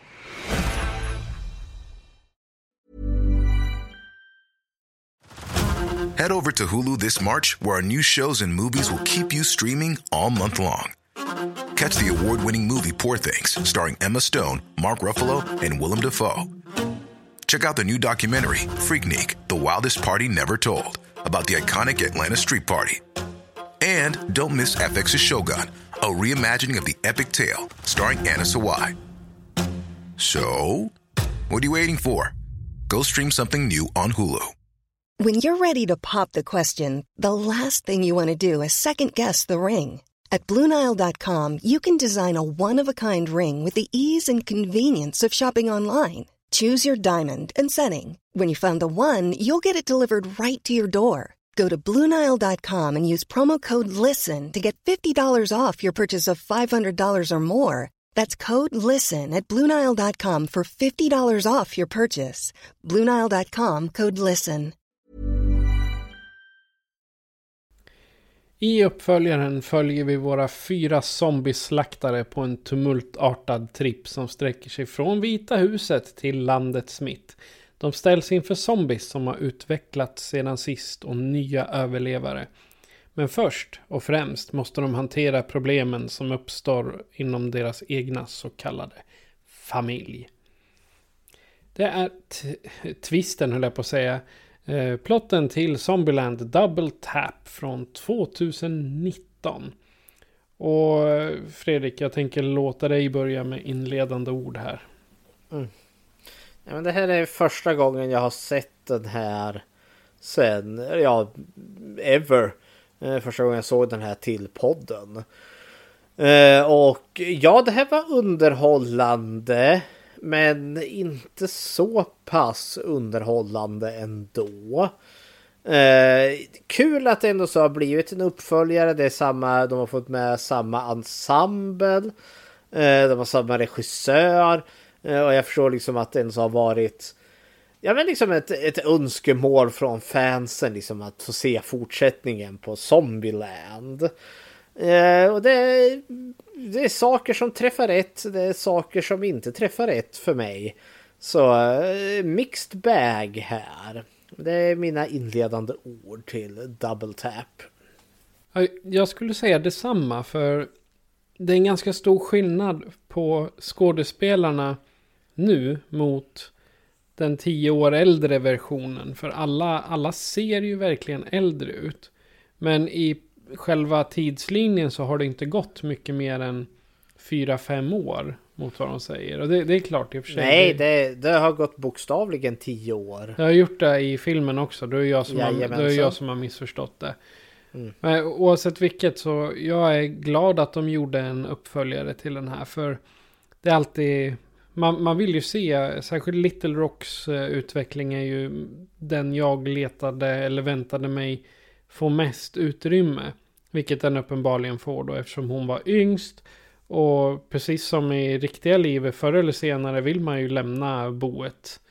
Eh, det är ju, det är ju liksom vanligt. Eh, om det är för att åka iväg och studera eller för att börja dejta en gitarrspelande hippie. Det är ju, ja, Eh, eller, eller så. Eh, då får man passa sig så att inte Tallahassee spör en. Särskilt om man är från Berkeley.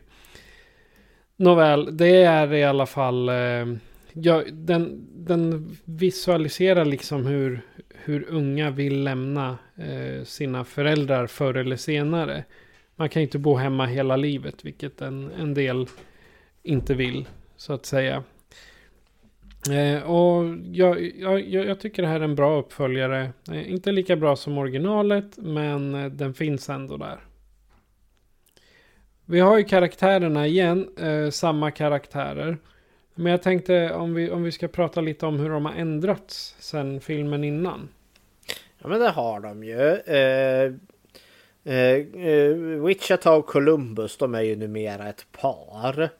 Eh, och Columbus är ju inte alls nevrotisk längre på samma sätt som han var innan. Utan nu fungerar han ju mycket mer som en positiv karaktär.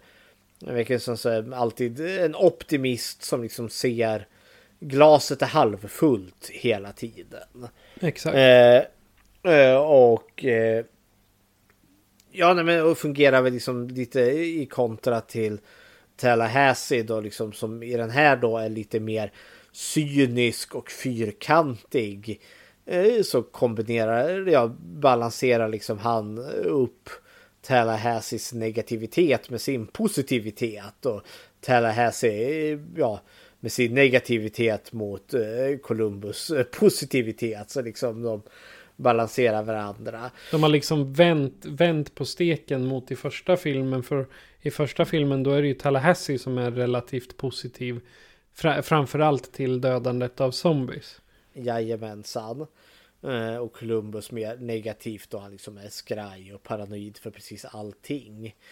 Eh, den här flyttar ju fokus, alltså fokus liksom i första filmen är ju kanske familjen som bildas.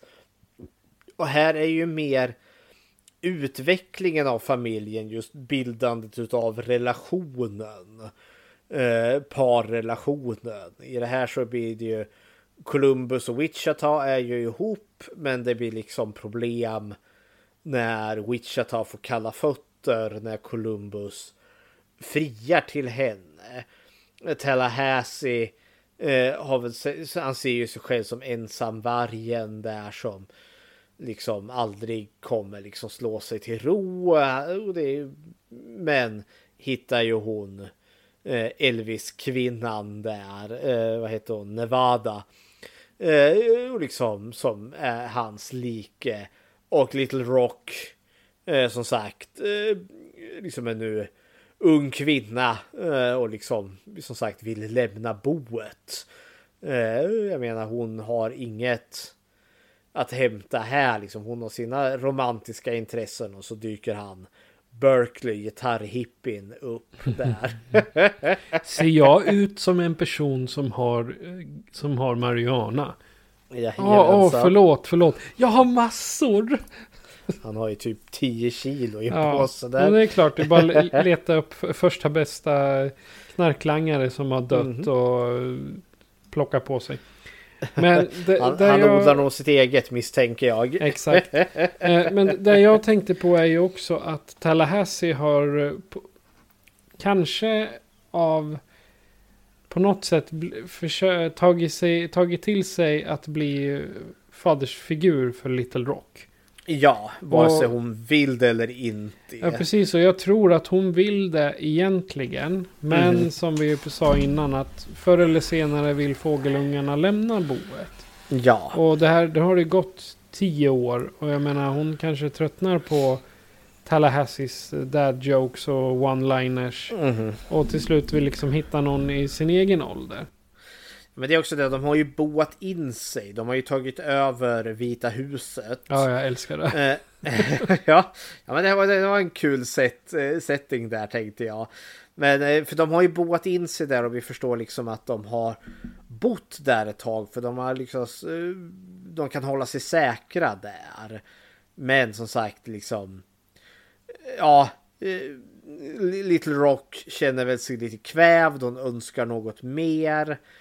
Eh, och just för att man gör också en poäng att det finns fler överlevare. Det är inte bara de här fyra. Eh, men man söker sig inte utanför Vita husets murar för det, här har de eh, uppnått trygghet, säkerhet. Men Little Rock vill mera. Så det kommer ju bli Eh, ja, det som sätter handlingen i rörelse här sen när gruppen splittras när hon när Little Rock eh, rymmer tillsammans med Wichita. Eh, och det är det här som mitt problem med den här filmen dyker upp. Eh, för jag stör mig något så fruktansvärt på eh, Wichita och Columbo. Eh, att, att när han friar till henne efter tio år, efter att de har varit ihop i tio år, då får hon så pass kalla fötter att hon liksom, hon, hon tar lillsyrran och så bara eh, rymmer de. Nej, det här... Eh, mm, jag, jag förstår liksom att det blir liksom som en...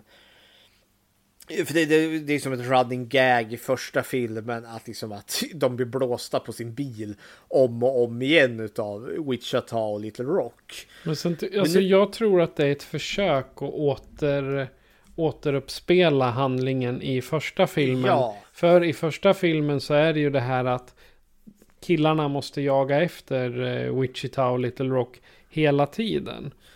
Ja, och det är det som också är ett annat problem som jag har med den här filmen. Att den är alldeles för mycket en kopia utav första filmen. Det är alldeles liksom för mycket liksom, ja men det här är ju liksom bara första filmen igen. Fast med lite annan, med, med, med, med, en ny, med ett nytt lager av färg på sig så att säga. Ja, bra Nej, men- liknelse. Ja, nej men och inte nödvändigtvis dåligt eftersom att första filmen är väldigt bra. Men jag kände lite att mm, visst, jag vill veta mer vad som har hänt med de här karaktärerna för det, det, det är liksom lovable character allihopa. Eh, och kul att veta, men jag kan inte. Det, det är the suspense of disbelief. Och just att hon får så kalla fötter att hon tar sitt pick och pack och lämnar dem efter tio år. Nej, alltså det, det, jag får det inte att funka. Hade det bara varit Little Rock, där man hade kört med på den här liksom, nej men vi är säkra här i, i Vita huset. Och kanske introducera han Barkley innan. Ja, men honom ska Eh, man fan- slå in tänderna på. Ja, jo, nej, men säg att... Eh, för, för så som det blir här nu så är det eh, Columbus friar till Wichita. Wichita får kalla fötter, tar lillsyrran och sticker. Eh, och då när de väl är på rymmen, eller har lämnat eh, Tallahassee och eh, Columbo, det är då de springer på Barkley. Eh, och sen blir det ju en grej där att Little Rock eh, dumpar eh, Wichita, stora syran där, och sticker iväg med Barkley. Det här är fel ordning att köra. Liksom, plotten blir fel här tycker jag. Eller som jag störde mig på. Det hade varit bättre om Barkley hade dykt upp till Vita huset. Ja. Hon blir, eh, Little Rock blir förälskad. Eh, Tallahassee är liksom alldeles för eh, överbeskyddande liksom faders pappafigur. Eh, Wichita eh, tycker att nej, men det här är otryggt och det är farligt och killar är bara dåligt.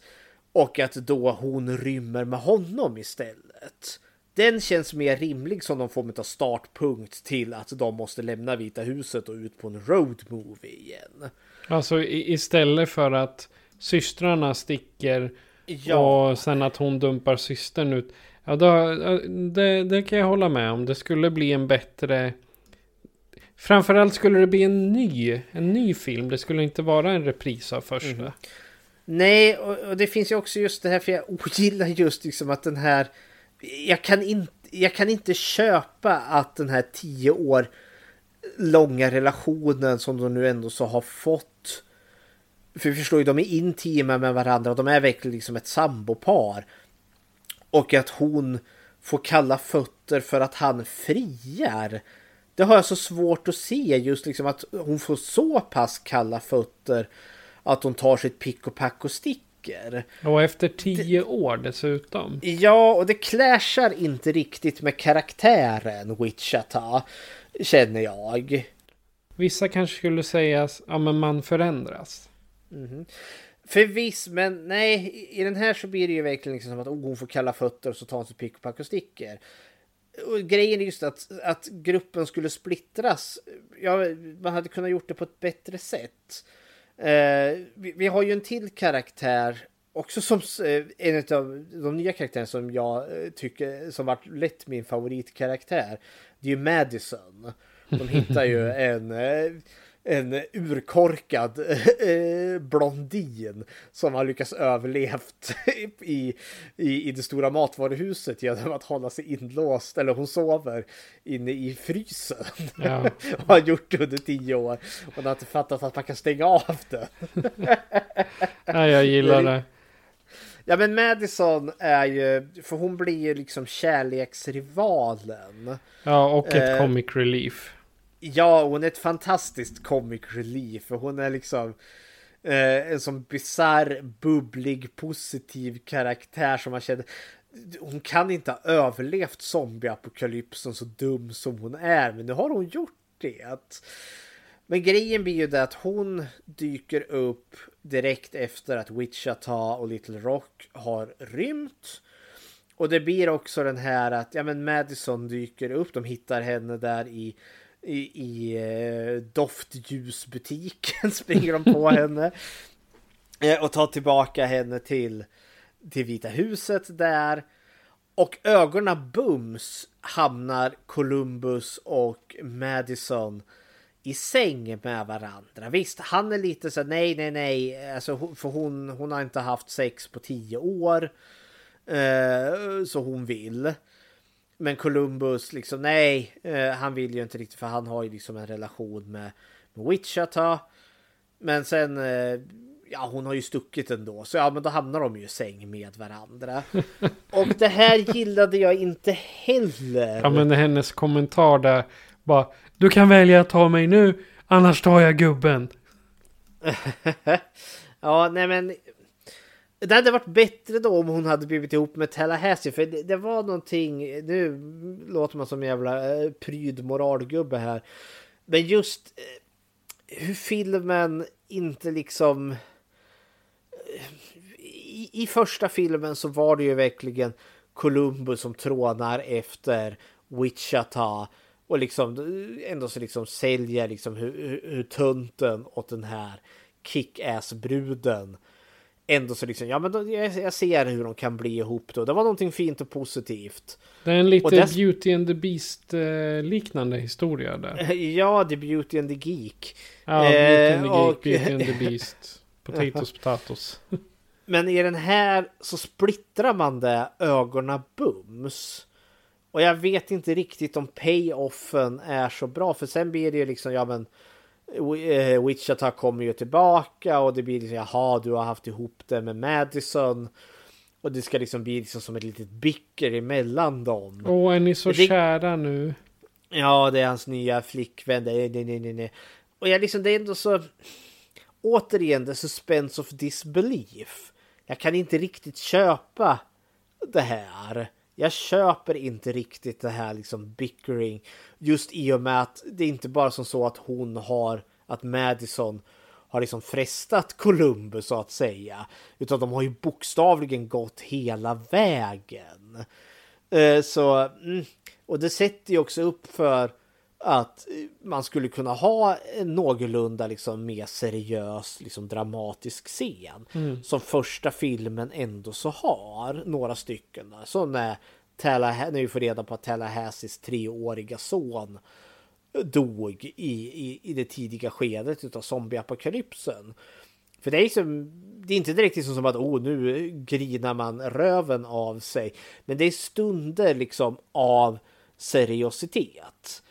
Det har inte double tap enligt min mening utan den går väldigt mycket mer in på glattig humor.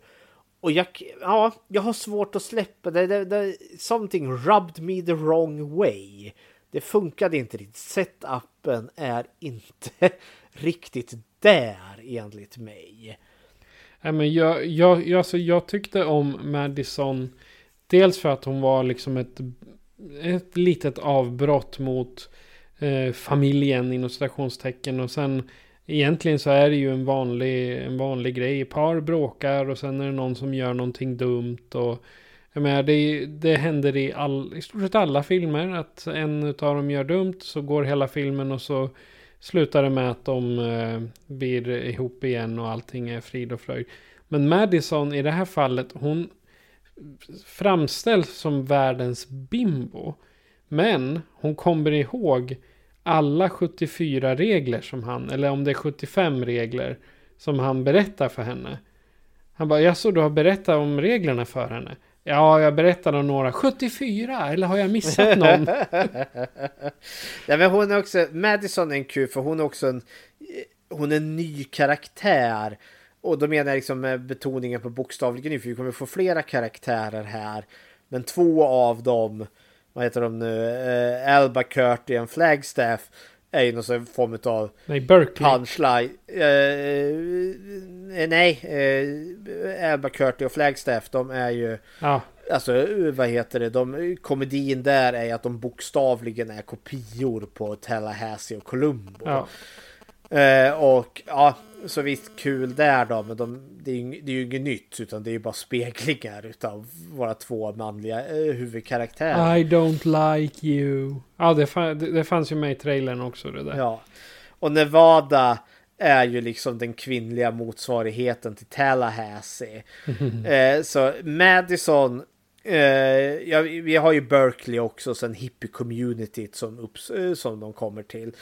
Men Madison sticker ut så mycket mer för den är så bubblig, så positivt och glad människa. Och hon är verkligen en punchline till väldigt många skämt. Och den skådespelerskan har så jäkla, hon är så träffsäker i sin, i sin, i sin i sitt komik, eller vad heter det, i sin komiska framföring. Alltså det, det är så otroligt trivsam och rolig karaktär. Ja, hon är, alltså, även om hon inte stämmer in i resten av casten så är hon faktiskt en, ett väldigt välkommet tillskott till handlingen. Ja, och hon är också den enda gången då filmen faktiskt har en genuint seriös scen. Och det är ju när eh, efter att de har försökt ta den här bussen och få problem med zombies. Eh, och då är det ju en zombie som biter i hennes, eh, vad heter det, stövel. Eh, och de är lite osäkra på om hon har blivit smittad eller inte. Men sen sitter de ju och äter. Och hon har en trail mix med nötter i. Mm. Och så plötsligt liksom börjar hon liksom hon får utslag i ansiktet och så börjar hon kräkas våldsamt och de bara åh nej. Hon vart smittad och biten så vi måste ta ut henne liksom ur sitt lidande där. Eh, och det är Columbo då som ska göra det. Eh, jag ska faktiskt erkänna att den biten var ganska dramatisk eh, ändå liksom när eh, han ska skjuta henne. Vi får ju inte se skotten. Eh, så vi förstår ju sen då att, för hon kommer ju tillbaka sen. Eh, för det blir som, ja men hon, liten punchline där liksom. Jaha, nej hon dog inte och hon var ju inte zombiesmittad utan det visade sig att hon är allergisk mot nötter. Ja. Eh, och hon, är, hon, är, hon är så dum så hon har inte koll på att en trail mix består typ av nötter. Ja, det är bara ja. nötter i trail mix. ja. nej men liksom, så visst, det är den enda gången den har någon form av dramatisk scen som funkar på riktigt. Eh, och det är kanske därför jag gillar Madison också. Eh, men ja, av alla nya karaktärer så är Madison eh, den som jag gillar bäst för hon är liksom mest unik. Sen gillar jag verkligen inte setupen i hur den här fa alltså familjen splittras. Wichita får kalla fötter. Eh, otroheten som Columbo har med Madison. Eh, och sen liksom fram och tillbaka. Lite bicker Wichita och Columbus har. För det känns liksom... Övertrampet är för stort. Enligt mig. Eller det känns för stort just att eh, ja, men du har varit ihop med någon annan. Och de, de får aldrig liksom, jag hade behövt något, alltså mer där de faktiskt liksom, jag kan få återigen en liten, liten stund och filmen tar sig lite mer seriöst och faktiskt behandlar, avhandlar det här liksom. Hennes eh, snedsteg, eller hennes misstag med att få kalla fötter och sticka och hans, eh, vad heter det, snedsteg med att liksom bli ihop eller ha liksom eh, gå, gå till sängs med Madison. Men det, det, avhandlas aldrig utan det blir liksom mest bara, oh men vi älskar ju varandra ändå, okej nu gifter vi oss. Det saknas något. Eh... Det, det som eh, däremot kommer upp i, i det fallet med att han hoppar i säng med Madison istället är ju att ja men hon stack iväg och skrev en lapp Well, I'm not that much of a note person. Så ja, och, men han är ju väldigt sårad och sen är det ju faktiskt inte dagen efter som hon försvinner. De är ju borta i ett par veckor, ja en månad ja. Jag menar då tror, ju, då tror jag, men hon kommer inte tillbaka. Så, ja men vad, vad ska hon göra liksom? Om han då, om hon är borta i en månad. Då, och han hoppar i säng med någon annan. Inte fanns Kommer han vänta en månad när hon säger att jag är ledsen, vi, vi är bara tvungna att åka? Över en eh, lapp liksom. Och det är inte det som är problemet utan för det är liksom Det är hur filmen inte löser den här konflikten. Vi får liksom, eller ja den löser konflikten med en axelryckning ungefär. Ungefär så lösningen är ungefär som att ja men vi älskar ju varandra ändå. Jag hade behövt något som faktiskt liksom aktualiserade de här två karaktärerna ändå så får liksom få möta varandra liksom acceptera vad fan de gjorde fel. De ska göra den, den dansen lite först, är det där ja, du tänker? men liksom, och det är det som fattas den här. Och det är det som gör att den här filmen känns mindre eh, för mig än vad första filmen gör.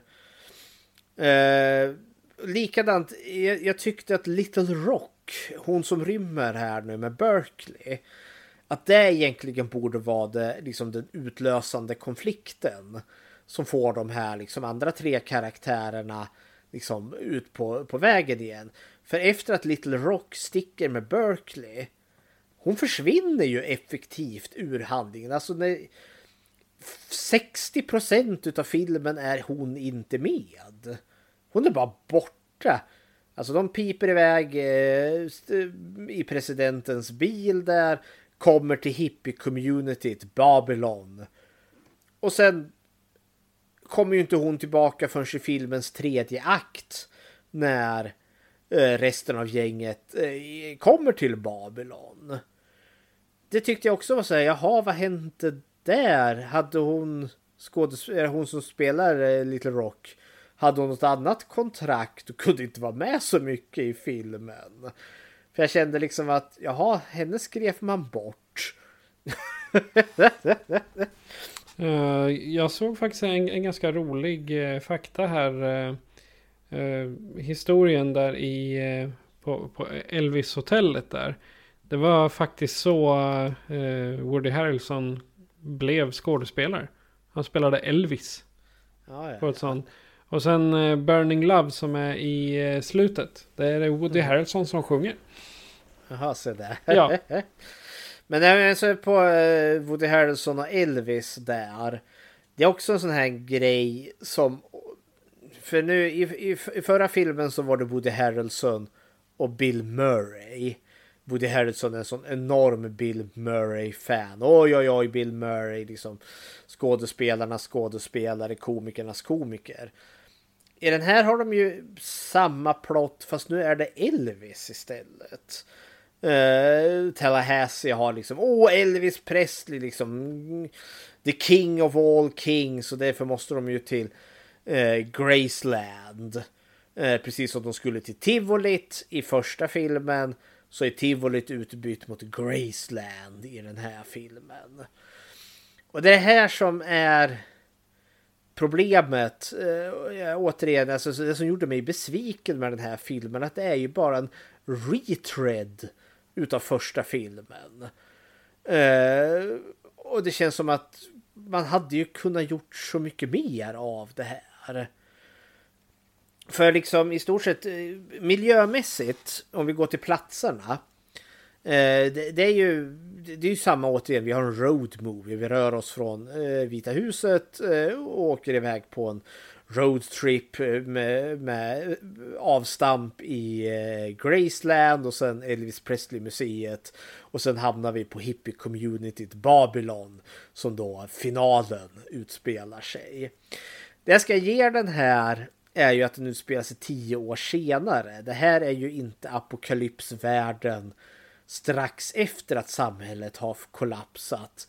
Utan är ju apokalypsen ja, långt efter. Det är när apokalypsen har... är vardag. Ja, och liksom saker, det, det är lite, jag, fick lite känslan här, um, The Last of Us. Ja. Naturen har börjat liksom tagit tillbaka husen. Liksom det växer, gräset är jättehögt och det växer murgröna på, på husen och allt vad det är. Mm. Ja, för jag, jag, kollade på en YouTube-video med en recensent och han sa också bara det här är The Last of Us.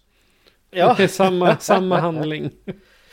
Det ska lida, det finns eh, de, de har jäkla mycket attention to details. För den, den är så inspelad 2016. Men de kan ju inte ha referenser liksom till, till nutid. För när de ens är i Vita huset då är det eh, Wichita och Columbus, de dansar ju i ovala huset och där är liksom ett foto, ett inramat foto av Obama där liksom Yes we can. Ja, för liksom 2009 där eh, när världen gick under, ja men då var ju Obama president. Fast double, double tap är ju från 2019. Ja, men eh, när världen gick under 2009 ah, då ja, var okay. Obama president. Ja, så, nu förstår jag. Så liksom där tiden har ju stannat där och det tyckte jag var ganska mm. awesome. Men tänker, tänkte du på sidan av eh, Obama? Det hänger ju en bild, en bild på Borat. Ja, nej det såg jag inte. det, det, men det är många sådana små saker. De, ja, men de har jättemånga så här populärkulturella referenser. Eh, Sagan om ringen och allt sånt där. Jag, var, jag satt där och var tvungen att tänka eh, liksom är, är det något som liksom predatar liksom som spräcker liksom illusionen där av att när världen gick under. Men de, nej, allt är väldigt spot on. Madison eh, nämner ju till och med någon affärsidé hon har eller hade. Eh, att man liksom kunde liksom, ja men om, om du är ute på krogen och är full och så behöver du liksom komma hem så kan du ringa en främling så kommer de och hämtar dig och alla skrattar åt det. Det är så dumt, så dumt. Men det hon beskriver är ju en Uber. Ja. Och Uber finns ju, eller fanns ju redan 2019. Så det lite sådana roliga referenser fanns ju. Ja, för Uber, Uber startade faktiskt 2009 i ja, Kalifornien. Ja, ja, så att Uber startades ungefär i samband med att den här filmen kom ut. Ja, I mars 2009. så det hade ju varit igång i tio år. Så jag förstår hennes intresse där. Ja. ja. Men eh, sen gör jag bara någon sån rolig liksom kommentar. Liksom. Ja, jag tänker vilken tur liksom att Eh, vad heter det, kraftverken har hållit i tio år utan någon form av service, vilket gör att de fortfarande har ström. Det är lite så wink wink liksom att ja, vi förstår att eh, vi skulle inte kunna ha ström tio år efter samhällets kollaps, men ja, fine, deal with it. Så det funkar ändå. Ja, men jag tänker någon, någon ingenjör eller kunnig måste väl ha överlevt. uh, som sagt, slutet är ju i hippie-communityt. Eh, vi har liksom en, en peace-loving grupp, eh, eller pacifistgruppen utav hippies. Ja. Eh, som har bildat ett community som heter Babylon. Ifrån Berkeley. Eh, från Berkeley. Och eh, det var också en sån där grej. Jag trodde det skulle bli någonting mer, lite mer cyniskt, lite mer elakt här när när eh, zombiehorden attackerar i slutet. Jag trodde liksom pacifisterna skulle åka på att för att de är verkligen uppmålade som liksom flum, flumjon eh, som har smält alla sina vapen och gjort, vad är det, peace-symboler ja. utav alltihopa. Eh, vilket gör att de har ingenting att försvara sig med när zombiesarna dyker upp. no weapons, no group sex. Det var no liksom reglerna. Men det blir inte för hela communityt överlever ju zombie, alltså zombiehorden som attackerar sen. Så det var också sådär. Jag kanske hade önskat mig något mer, lite mer cyniskt liksom när eh, när hippie-communityt blir uppätet ändå. Några hade ju åtminstone fått uh, kunna vara med på det. Alltså ja, han, bli han, grupp, han grupp 6 killen hade ju lätt kunnat gå åt eller Barkley. Ja för han var fet hade... också. Ja. Inget cardio där inte. Ja det. Zombierna då? Vårat, eh, det nya hotet som dyker upp här. Ja just det. Har du, kommer du ihåg vad zombierna hette? Eh, de har ju klassificerat dem. Någon, den, den mest harmlösa är ju den som kallas för Homer efter Homer Simpson. Precis. Eh, och det är ju liksom en korkad sak.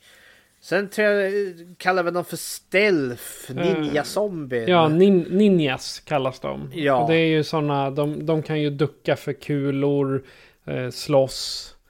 Eh, och sen har vi Hawkings. De är lite smartare de som kan lägga sig bakhåll. Ja. Men sen är det ju det stora hotet. Det är ju T-800. The Terminator. Eh, zombien som är alltihop av det här. Både ninja, eh, Hawkins, alltså smart. Och is, eh, kräver otroliga mängder eh, eh stryk innan den går ner. Eh, de möter ju en sån i, när de ska ta den här bussen, den här stora bussen. Och Tallahassee får ju skjuta den ja, typ 20-talet gånger innan den slutligen går i backen. Mm. Jag tänkte det här var lite kul liksom att eh, göra zombien farlig. Eh, för visst, zombierna var farliga i förra Zombieland. Men det, det fanns en ganska pajig attityd till dem. Men de vart liksom inte otäcka förrän i slutet när liksom zombiehorden attackerar tivolit. Och här gör de ju en grej då av de här eh, zombierna som kräver mängder med stryk innan de går ner. Plus också då att det, det är en zombiehord av Terminator zombies som kommer rusandes mot Babylon där, där det inte finns några vapen. Så stakesen har de ju satt jävligt höga där. Liksom nu, hur ska det gå? Men det här är också en av mina gripes med den här filmen. Att det känns som att filmen också glömmer bort sig själv. För plötsligt så var det väldigt lätt att ta livet av de här. Liksom det är, de har ju inga skjutvapen men de har typ baseballträ. de kastar liksom, kylskåp på dem. Ja, nej, men liksom när de blir swarmade där och står på den här lilla plattformen och liksom måste mota ner dem. Så står de och slår dem i huvudet med spadar och man ser liksom zombierna falla döda ner. Jag var så här, men herregud, du, du kunde tömma magasin i en och den dog inte. Att då liksom sopar den i huvudet med, med ett baseballträ. Det köper jag inte. Men de, de första som kommer springande är inte T800. Det är andra, andra horden. När, när de har eldat på alla så kommer det ju ännu en hord. Ja, men samtidigt oavsett, eh, för han säger väl inget annat, han säger bara att det är Terminators. För även om andra horden är liksom eh, de här superzombierna. Sättet de tar livet av dem är ju som att lyckas leda upp dem hela vägen för Babylon som då är ett jätte, liksom som en skyskrapa. Eh, och de har gjort liksom som en liten korridor där alla hippies står och håller uppe liksom plankor så liksom att det blir som en eh, ja de kan liksom hörda dem åt ett håll och så springer Tallahassee först med den här horden efter sig Eh, hoppar ut, tar tag i en vajer och den här zombiehorden bara rusar ut över kanten och faller till sin död. Det här var ju de intelligenta zombierna. Varför går de på den här niten? Det här var ju de livsfarliga, superstarka, nästintill odödliga, intelligenta zombierna.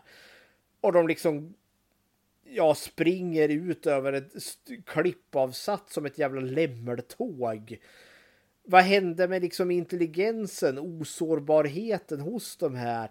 Nej, jag störde mig nog så fruktansvärt på det här. Hade det varit en hord av Homer-zombies som de har kvalificerat upp som att de är dumma i huvudet, ja då hade jag väl köpt det. De gör ju till och med punchline i slutet efter den här jättehorden har ramlat ut för och fallit till sin död så kommer det ju en Homer-zombie bara springandes där, liksom hugger ingen och bara springer rakt ut över kanten och faller till sin död.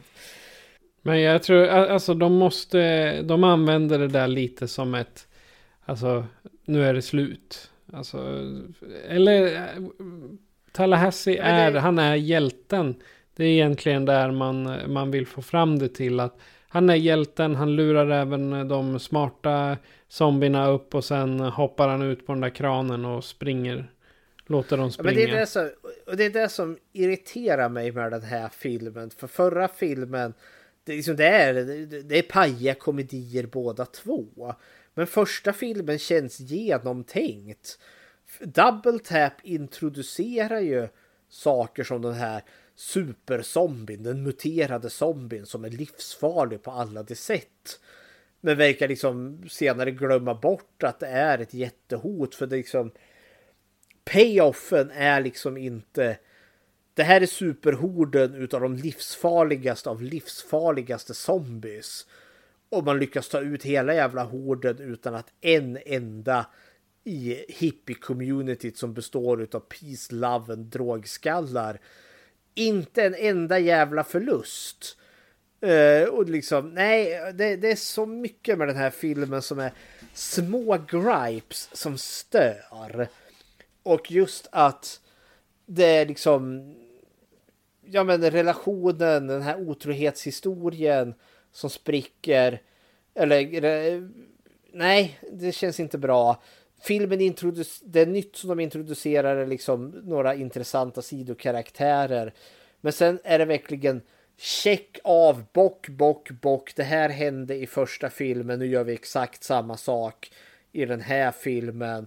Det vi introducerar som är, är intressant verkar vi glömma bort i filmens tredje akt. Alltså det här är ju första filmen egentligen fast med en större budget men med ett sämre manus. Men sen är, är ju det här mera en eh, hyllning till första filmen än vad det är en film, film, film. Så att säga. Ja men det är det, det, är det som är så, gör mig så besviken ändå. För liksom det här var ändå så tio år senare. Liksom eh, har liksom, ja men fortsättningen på Zombieland. Det känns så jävla lat. Alltså det, det, det är så slarvigt hantverk. Att bara liksom Ja men kommer du ihåg första filmen? Ja här är den igen. Jaha okej. Okay. Kunde jag inte fått något liksom nytt? För det, det, det är för mycket som är likt. Så den här filmen, Double Tapped, gjorde mig genuint besviken. Samtidigt, eh, alltså nu går jag väldigt hårt åt på Double Tap här. Eh, det är fortfarande inte en dålig film. Det är fortfarande en väldigt rolig skräckkomedi. Och den har liksom Tallahassee är väldigt rolig i sina one-liners. Madison är en väldigt rolig ny sidokaraktär. Eh, men i mångt och mycket så var den, kändes den väldigt onödig för den introducerade för lite nytt och förlitade sig för mycket liksom att vara en kopia utav första filmen. Vilket förvånar mig för det är ändå så liksom samma regissör och samma skådespelare. Kunde de inte komma på något nytt? Nej. Men äh, alltså jag, jag har ju en känsla av att den här stressades fram. För det, var, det är mycket sånt här som bara är här inslängt och som jag egentligen inte tror var, skulle vara med från första början. Eller så har de tagit det som vart över från första filmen och stoppat in i den här.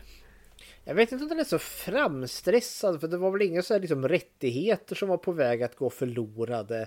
Utan den känns bara eh, fantasilös. Första filmen är ju väldigt kul, alltså en väldigt kul take. Alltså både hyllning och eh, parodi på zombieapokalypsen. På ett väldigt liksom roligt sätt. Medan den här egentligen känns mest bara som en ganska trött kopia utav eh, första filmen. Eh, och det kan vara märkligt att liksom, vi som har gått igenom franchise, vi säger Halloween-filmerna, de är ju också egentligen kopior på varandra. Men där brukar allt som oftast liksom, ja men Halloween 1 och 2, så de introducerar tillräckligt mycket nytt för att jag ändå så ska känna liksom, ja men det är ändå en annorlunda film. Även om samma karaktärer dyker upp, Laurie Strode och Michael Myers och Dr. Loomis. Så är det ändå så liksom, det är inte samma film en gång till. Utan det är två olika filmer med samma karaktärer. Den här känns lite som att det är samma film med samma karaktärer. Fast man har bara ändrat lite smått här och där. Och det, nej, det här, det här var en besvikelse för mig. Jag är, jag är ju redan inne på slutorden till den här filmen. Det blir bra. Men, men samtidigt, eh, som sagt, är det inte en direkt dålig film heller. Men då första filmen var en fyra av fem eh, för mig. Så är det här liksom en, ja, en två och en halv av fem för mig av att återvända till någon av de här filmerna så kommer jag återvända till första Zombieland innan jag återvänder till Double Tap. Men med det sagt, den är inte helt liksom utan sin charm. Men den är, det känns alldeles för mycket som en kopia utav första filmen som flitar sig lite för mycket på komedin och inte riktigt tar i de lite mer allvarligare scenerna som första filmen ändå så gör. Vilket ger filmen lite mer tyngd eh, till sig. Eh, så, så är Double Tap utelämnar det och det blir mest bara ett... Eh, för, för lättsmält. Återigen. Min allegori här då till Fredrik, Fredrik har problem med att hitta ord som är eh, mer kritiska än... Eh, du har, du har sagt samma sak flera gånger här nu. Av, ja, men min, eh, min jämförelse här då med maträtterna då. Som att då Zombieland är då med trerättsmenyn. Och Double Tap är hamburgaren på McDonalds. Ja. Ja. Är det dina slutord? Ja, nej men slutordet är att Double Tap är en seriös besvikelse. Men eh, inte eh, helt, eh, vad heter det, utan sina meriter. Men första Zombieland är så mycket bättre. Ja, jag tycker alltså Double Tap är visst, det är som du säger, det kanske inte är den mest intelligenta filmen av dem. Men i, när det gäller Zombieland-franchisen eh, eller Zombieland-filmerna eh, eh så ser jag dem som underhållning. Och jag vill ha dum underhållning med Woody Harrelson som gör eh, korkade one-liners. En bimbo som eh, är allergisk mot nötter. Eh, fem, 74 regler som eh, Eisenberg har dragit upp. Och det kärleksdramat mellan dels Little Rock och eh, hippin och mellan eh, Columbus och Wichita. Det, det, det, är inte den bästa av dem, men om, man, om jag ska ge de här poäng så är va, den första Zombieland 5 av 5 så är den här 3,5 av 5. Det är som du säger, det, lite, lite nytt hade ju gärna kunnat få, få vara med. Alltså kanske ny, ytterligare karaktärer som hamnar i familjen. Jag tänker hon, eh, ja när var det? Hon skulle kunna kommit in i Vita huset. Att han stötte på henne tidigare så att de bor i en annan svit i Vita huset tillsammans. Och sen då får ju Little Rock en orsak till att börja leta sig vidare. För då är hon verkligen det femte hjulet där inne. Två stycken par och så hon. Och då är ju risken då, som det hade varit där, då hade jag kunnat sett att Tallahassee och Nevada helt plötsligt tar på sig föräldrarollen mot uh, Little Rock. Så. Men eh, det, det, det, enda, det enda kritiken jag har är att eh, Tallahassee skulle... Det skulle behövas en större orsak till varför Little Rock lämnar. Och sen skulle det behövas in ytterligare en karaktär i det hela. Eh, en, en sak jag läste det, eftersom vi, vi pratade om att Little Rock är borta halva filmen. Det var att hon fick inte ens vara med på de första, du precis i slutet. Då kommer ju eh, de här creditsarna och då står ju Eisenberg, eh, Harrelson och eh, Emma Stone. De står ju först där. Men Little Rock kommer först i efter det här eh, slut slutdelen. Vi, vi, kanske ska prata lite om den också när Bill Murray kommer tillbaka. Eller tillbaka, det är en prequel till vad, vad som hände innan.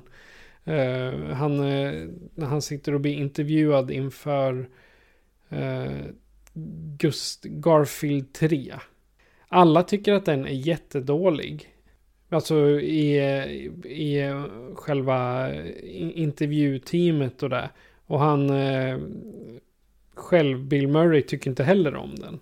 Nej, det är väl vida känt att de två Garfield-filmerna som kom, liksom, det är, det är pissdåliga filmer och Bill Murray eh, vet du fåglarna varför han, han ger rösten till katten Gustav där. Ja, men det, det är ju running gag där liksom på att, eh, ja men hur jävla ointresserad han är utav det hela. Ja men det var väl kul liksom för eh, att han eh, får dyka upp igen i zombieapokalypsens start. ja, jag vet, för han, han, säger ju där, ja men just det, vi måste låta Bill Murray komma tillbaka som ursäkt. Så, och så, så ser man han, han får ha ihjäl lite zombies hit och dit. Med one-liners. Så ja, slutet är, eh, hör också till det bästa när Bill Murray får komma tillbaka. Så who you gonna call? Bill Murray! Eh, har du gjort något Bechteltest på den här? Jajamensan. Eh, återigen, vi har ju... Eh, här gången har vi fler kvinnliga karaktärer. Eh, vi har ju återigen Wichita och vi har ju Little Rock. Men vi har ju också Madison och Nevada dyker upp i den här filmen. Eh, möter de någonsin varandra? Ja, samtliga karaktärer möter varandra. Eh, och pratar, då tre pratar om någonting annat än män. Ja, det gör de. Eh, dels är det ju kampen mot de här T800 zombisarna. Men vi har ju också vad heter det, Madison och Wichita Eh, som pratar eh, ja, om trailmix och eh, musik de lyssnar på. Eh, Little Rock Wichita pratar ju också om eh, ja, vad de ska göra efter att de har rymt där och sådana saker. Så Double Tap klarar Bechtel-testet. Yay! Men om du som lyssnare då vill säga ditt eller tycker att vi har helt fel eller tycker att vi har helt rätt. Gör så här för att kontakta oss. Skräckfilmscirkeln presenteras av Patrik Norén och Fredrik Rosengren.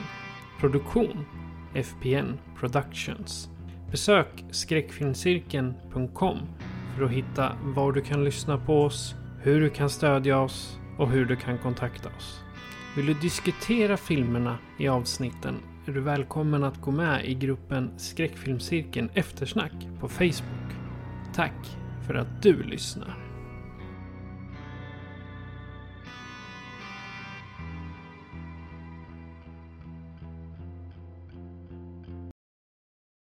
Och Fredrik, vad bjuds vi på i nästa avsnitt? Då ska vi ta en titt på hajarna där när de simmar förbi och beter sig. Och vi ska ta en titt på en av de mer seriösare hajskräckfilmerna.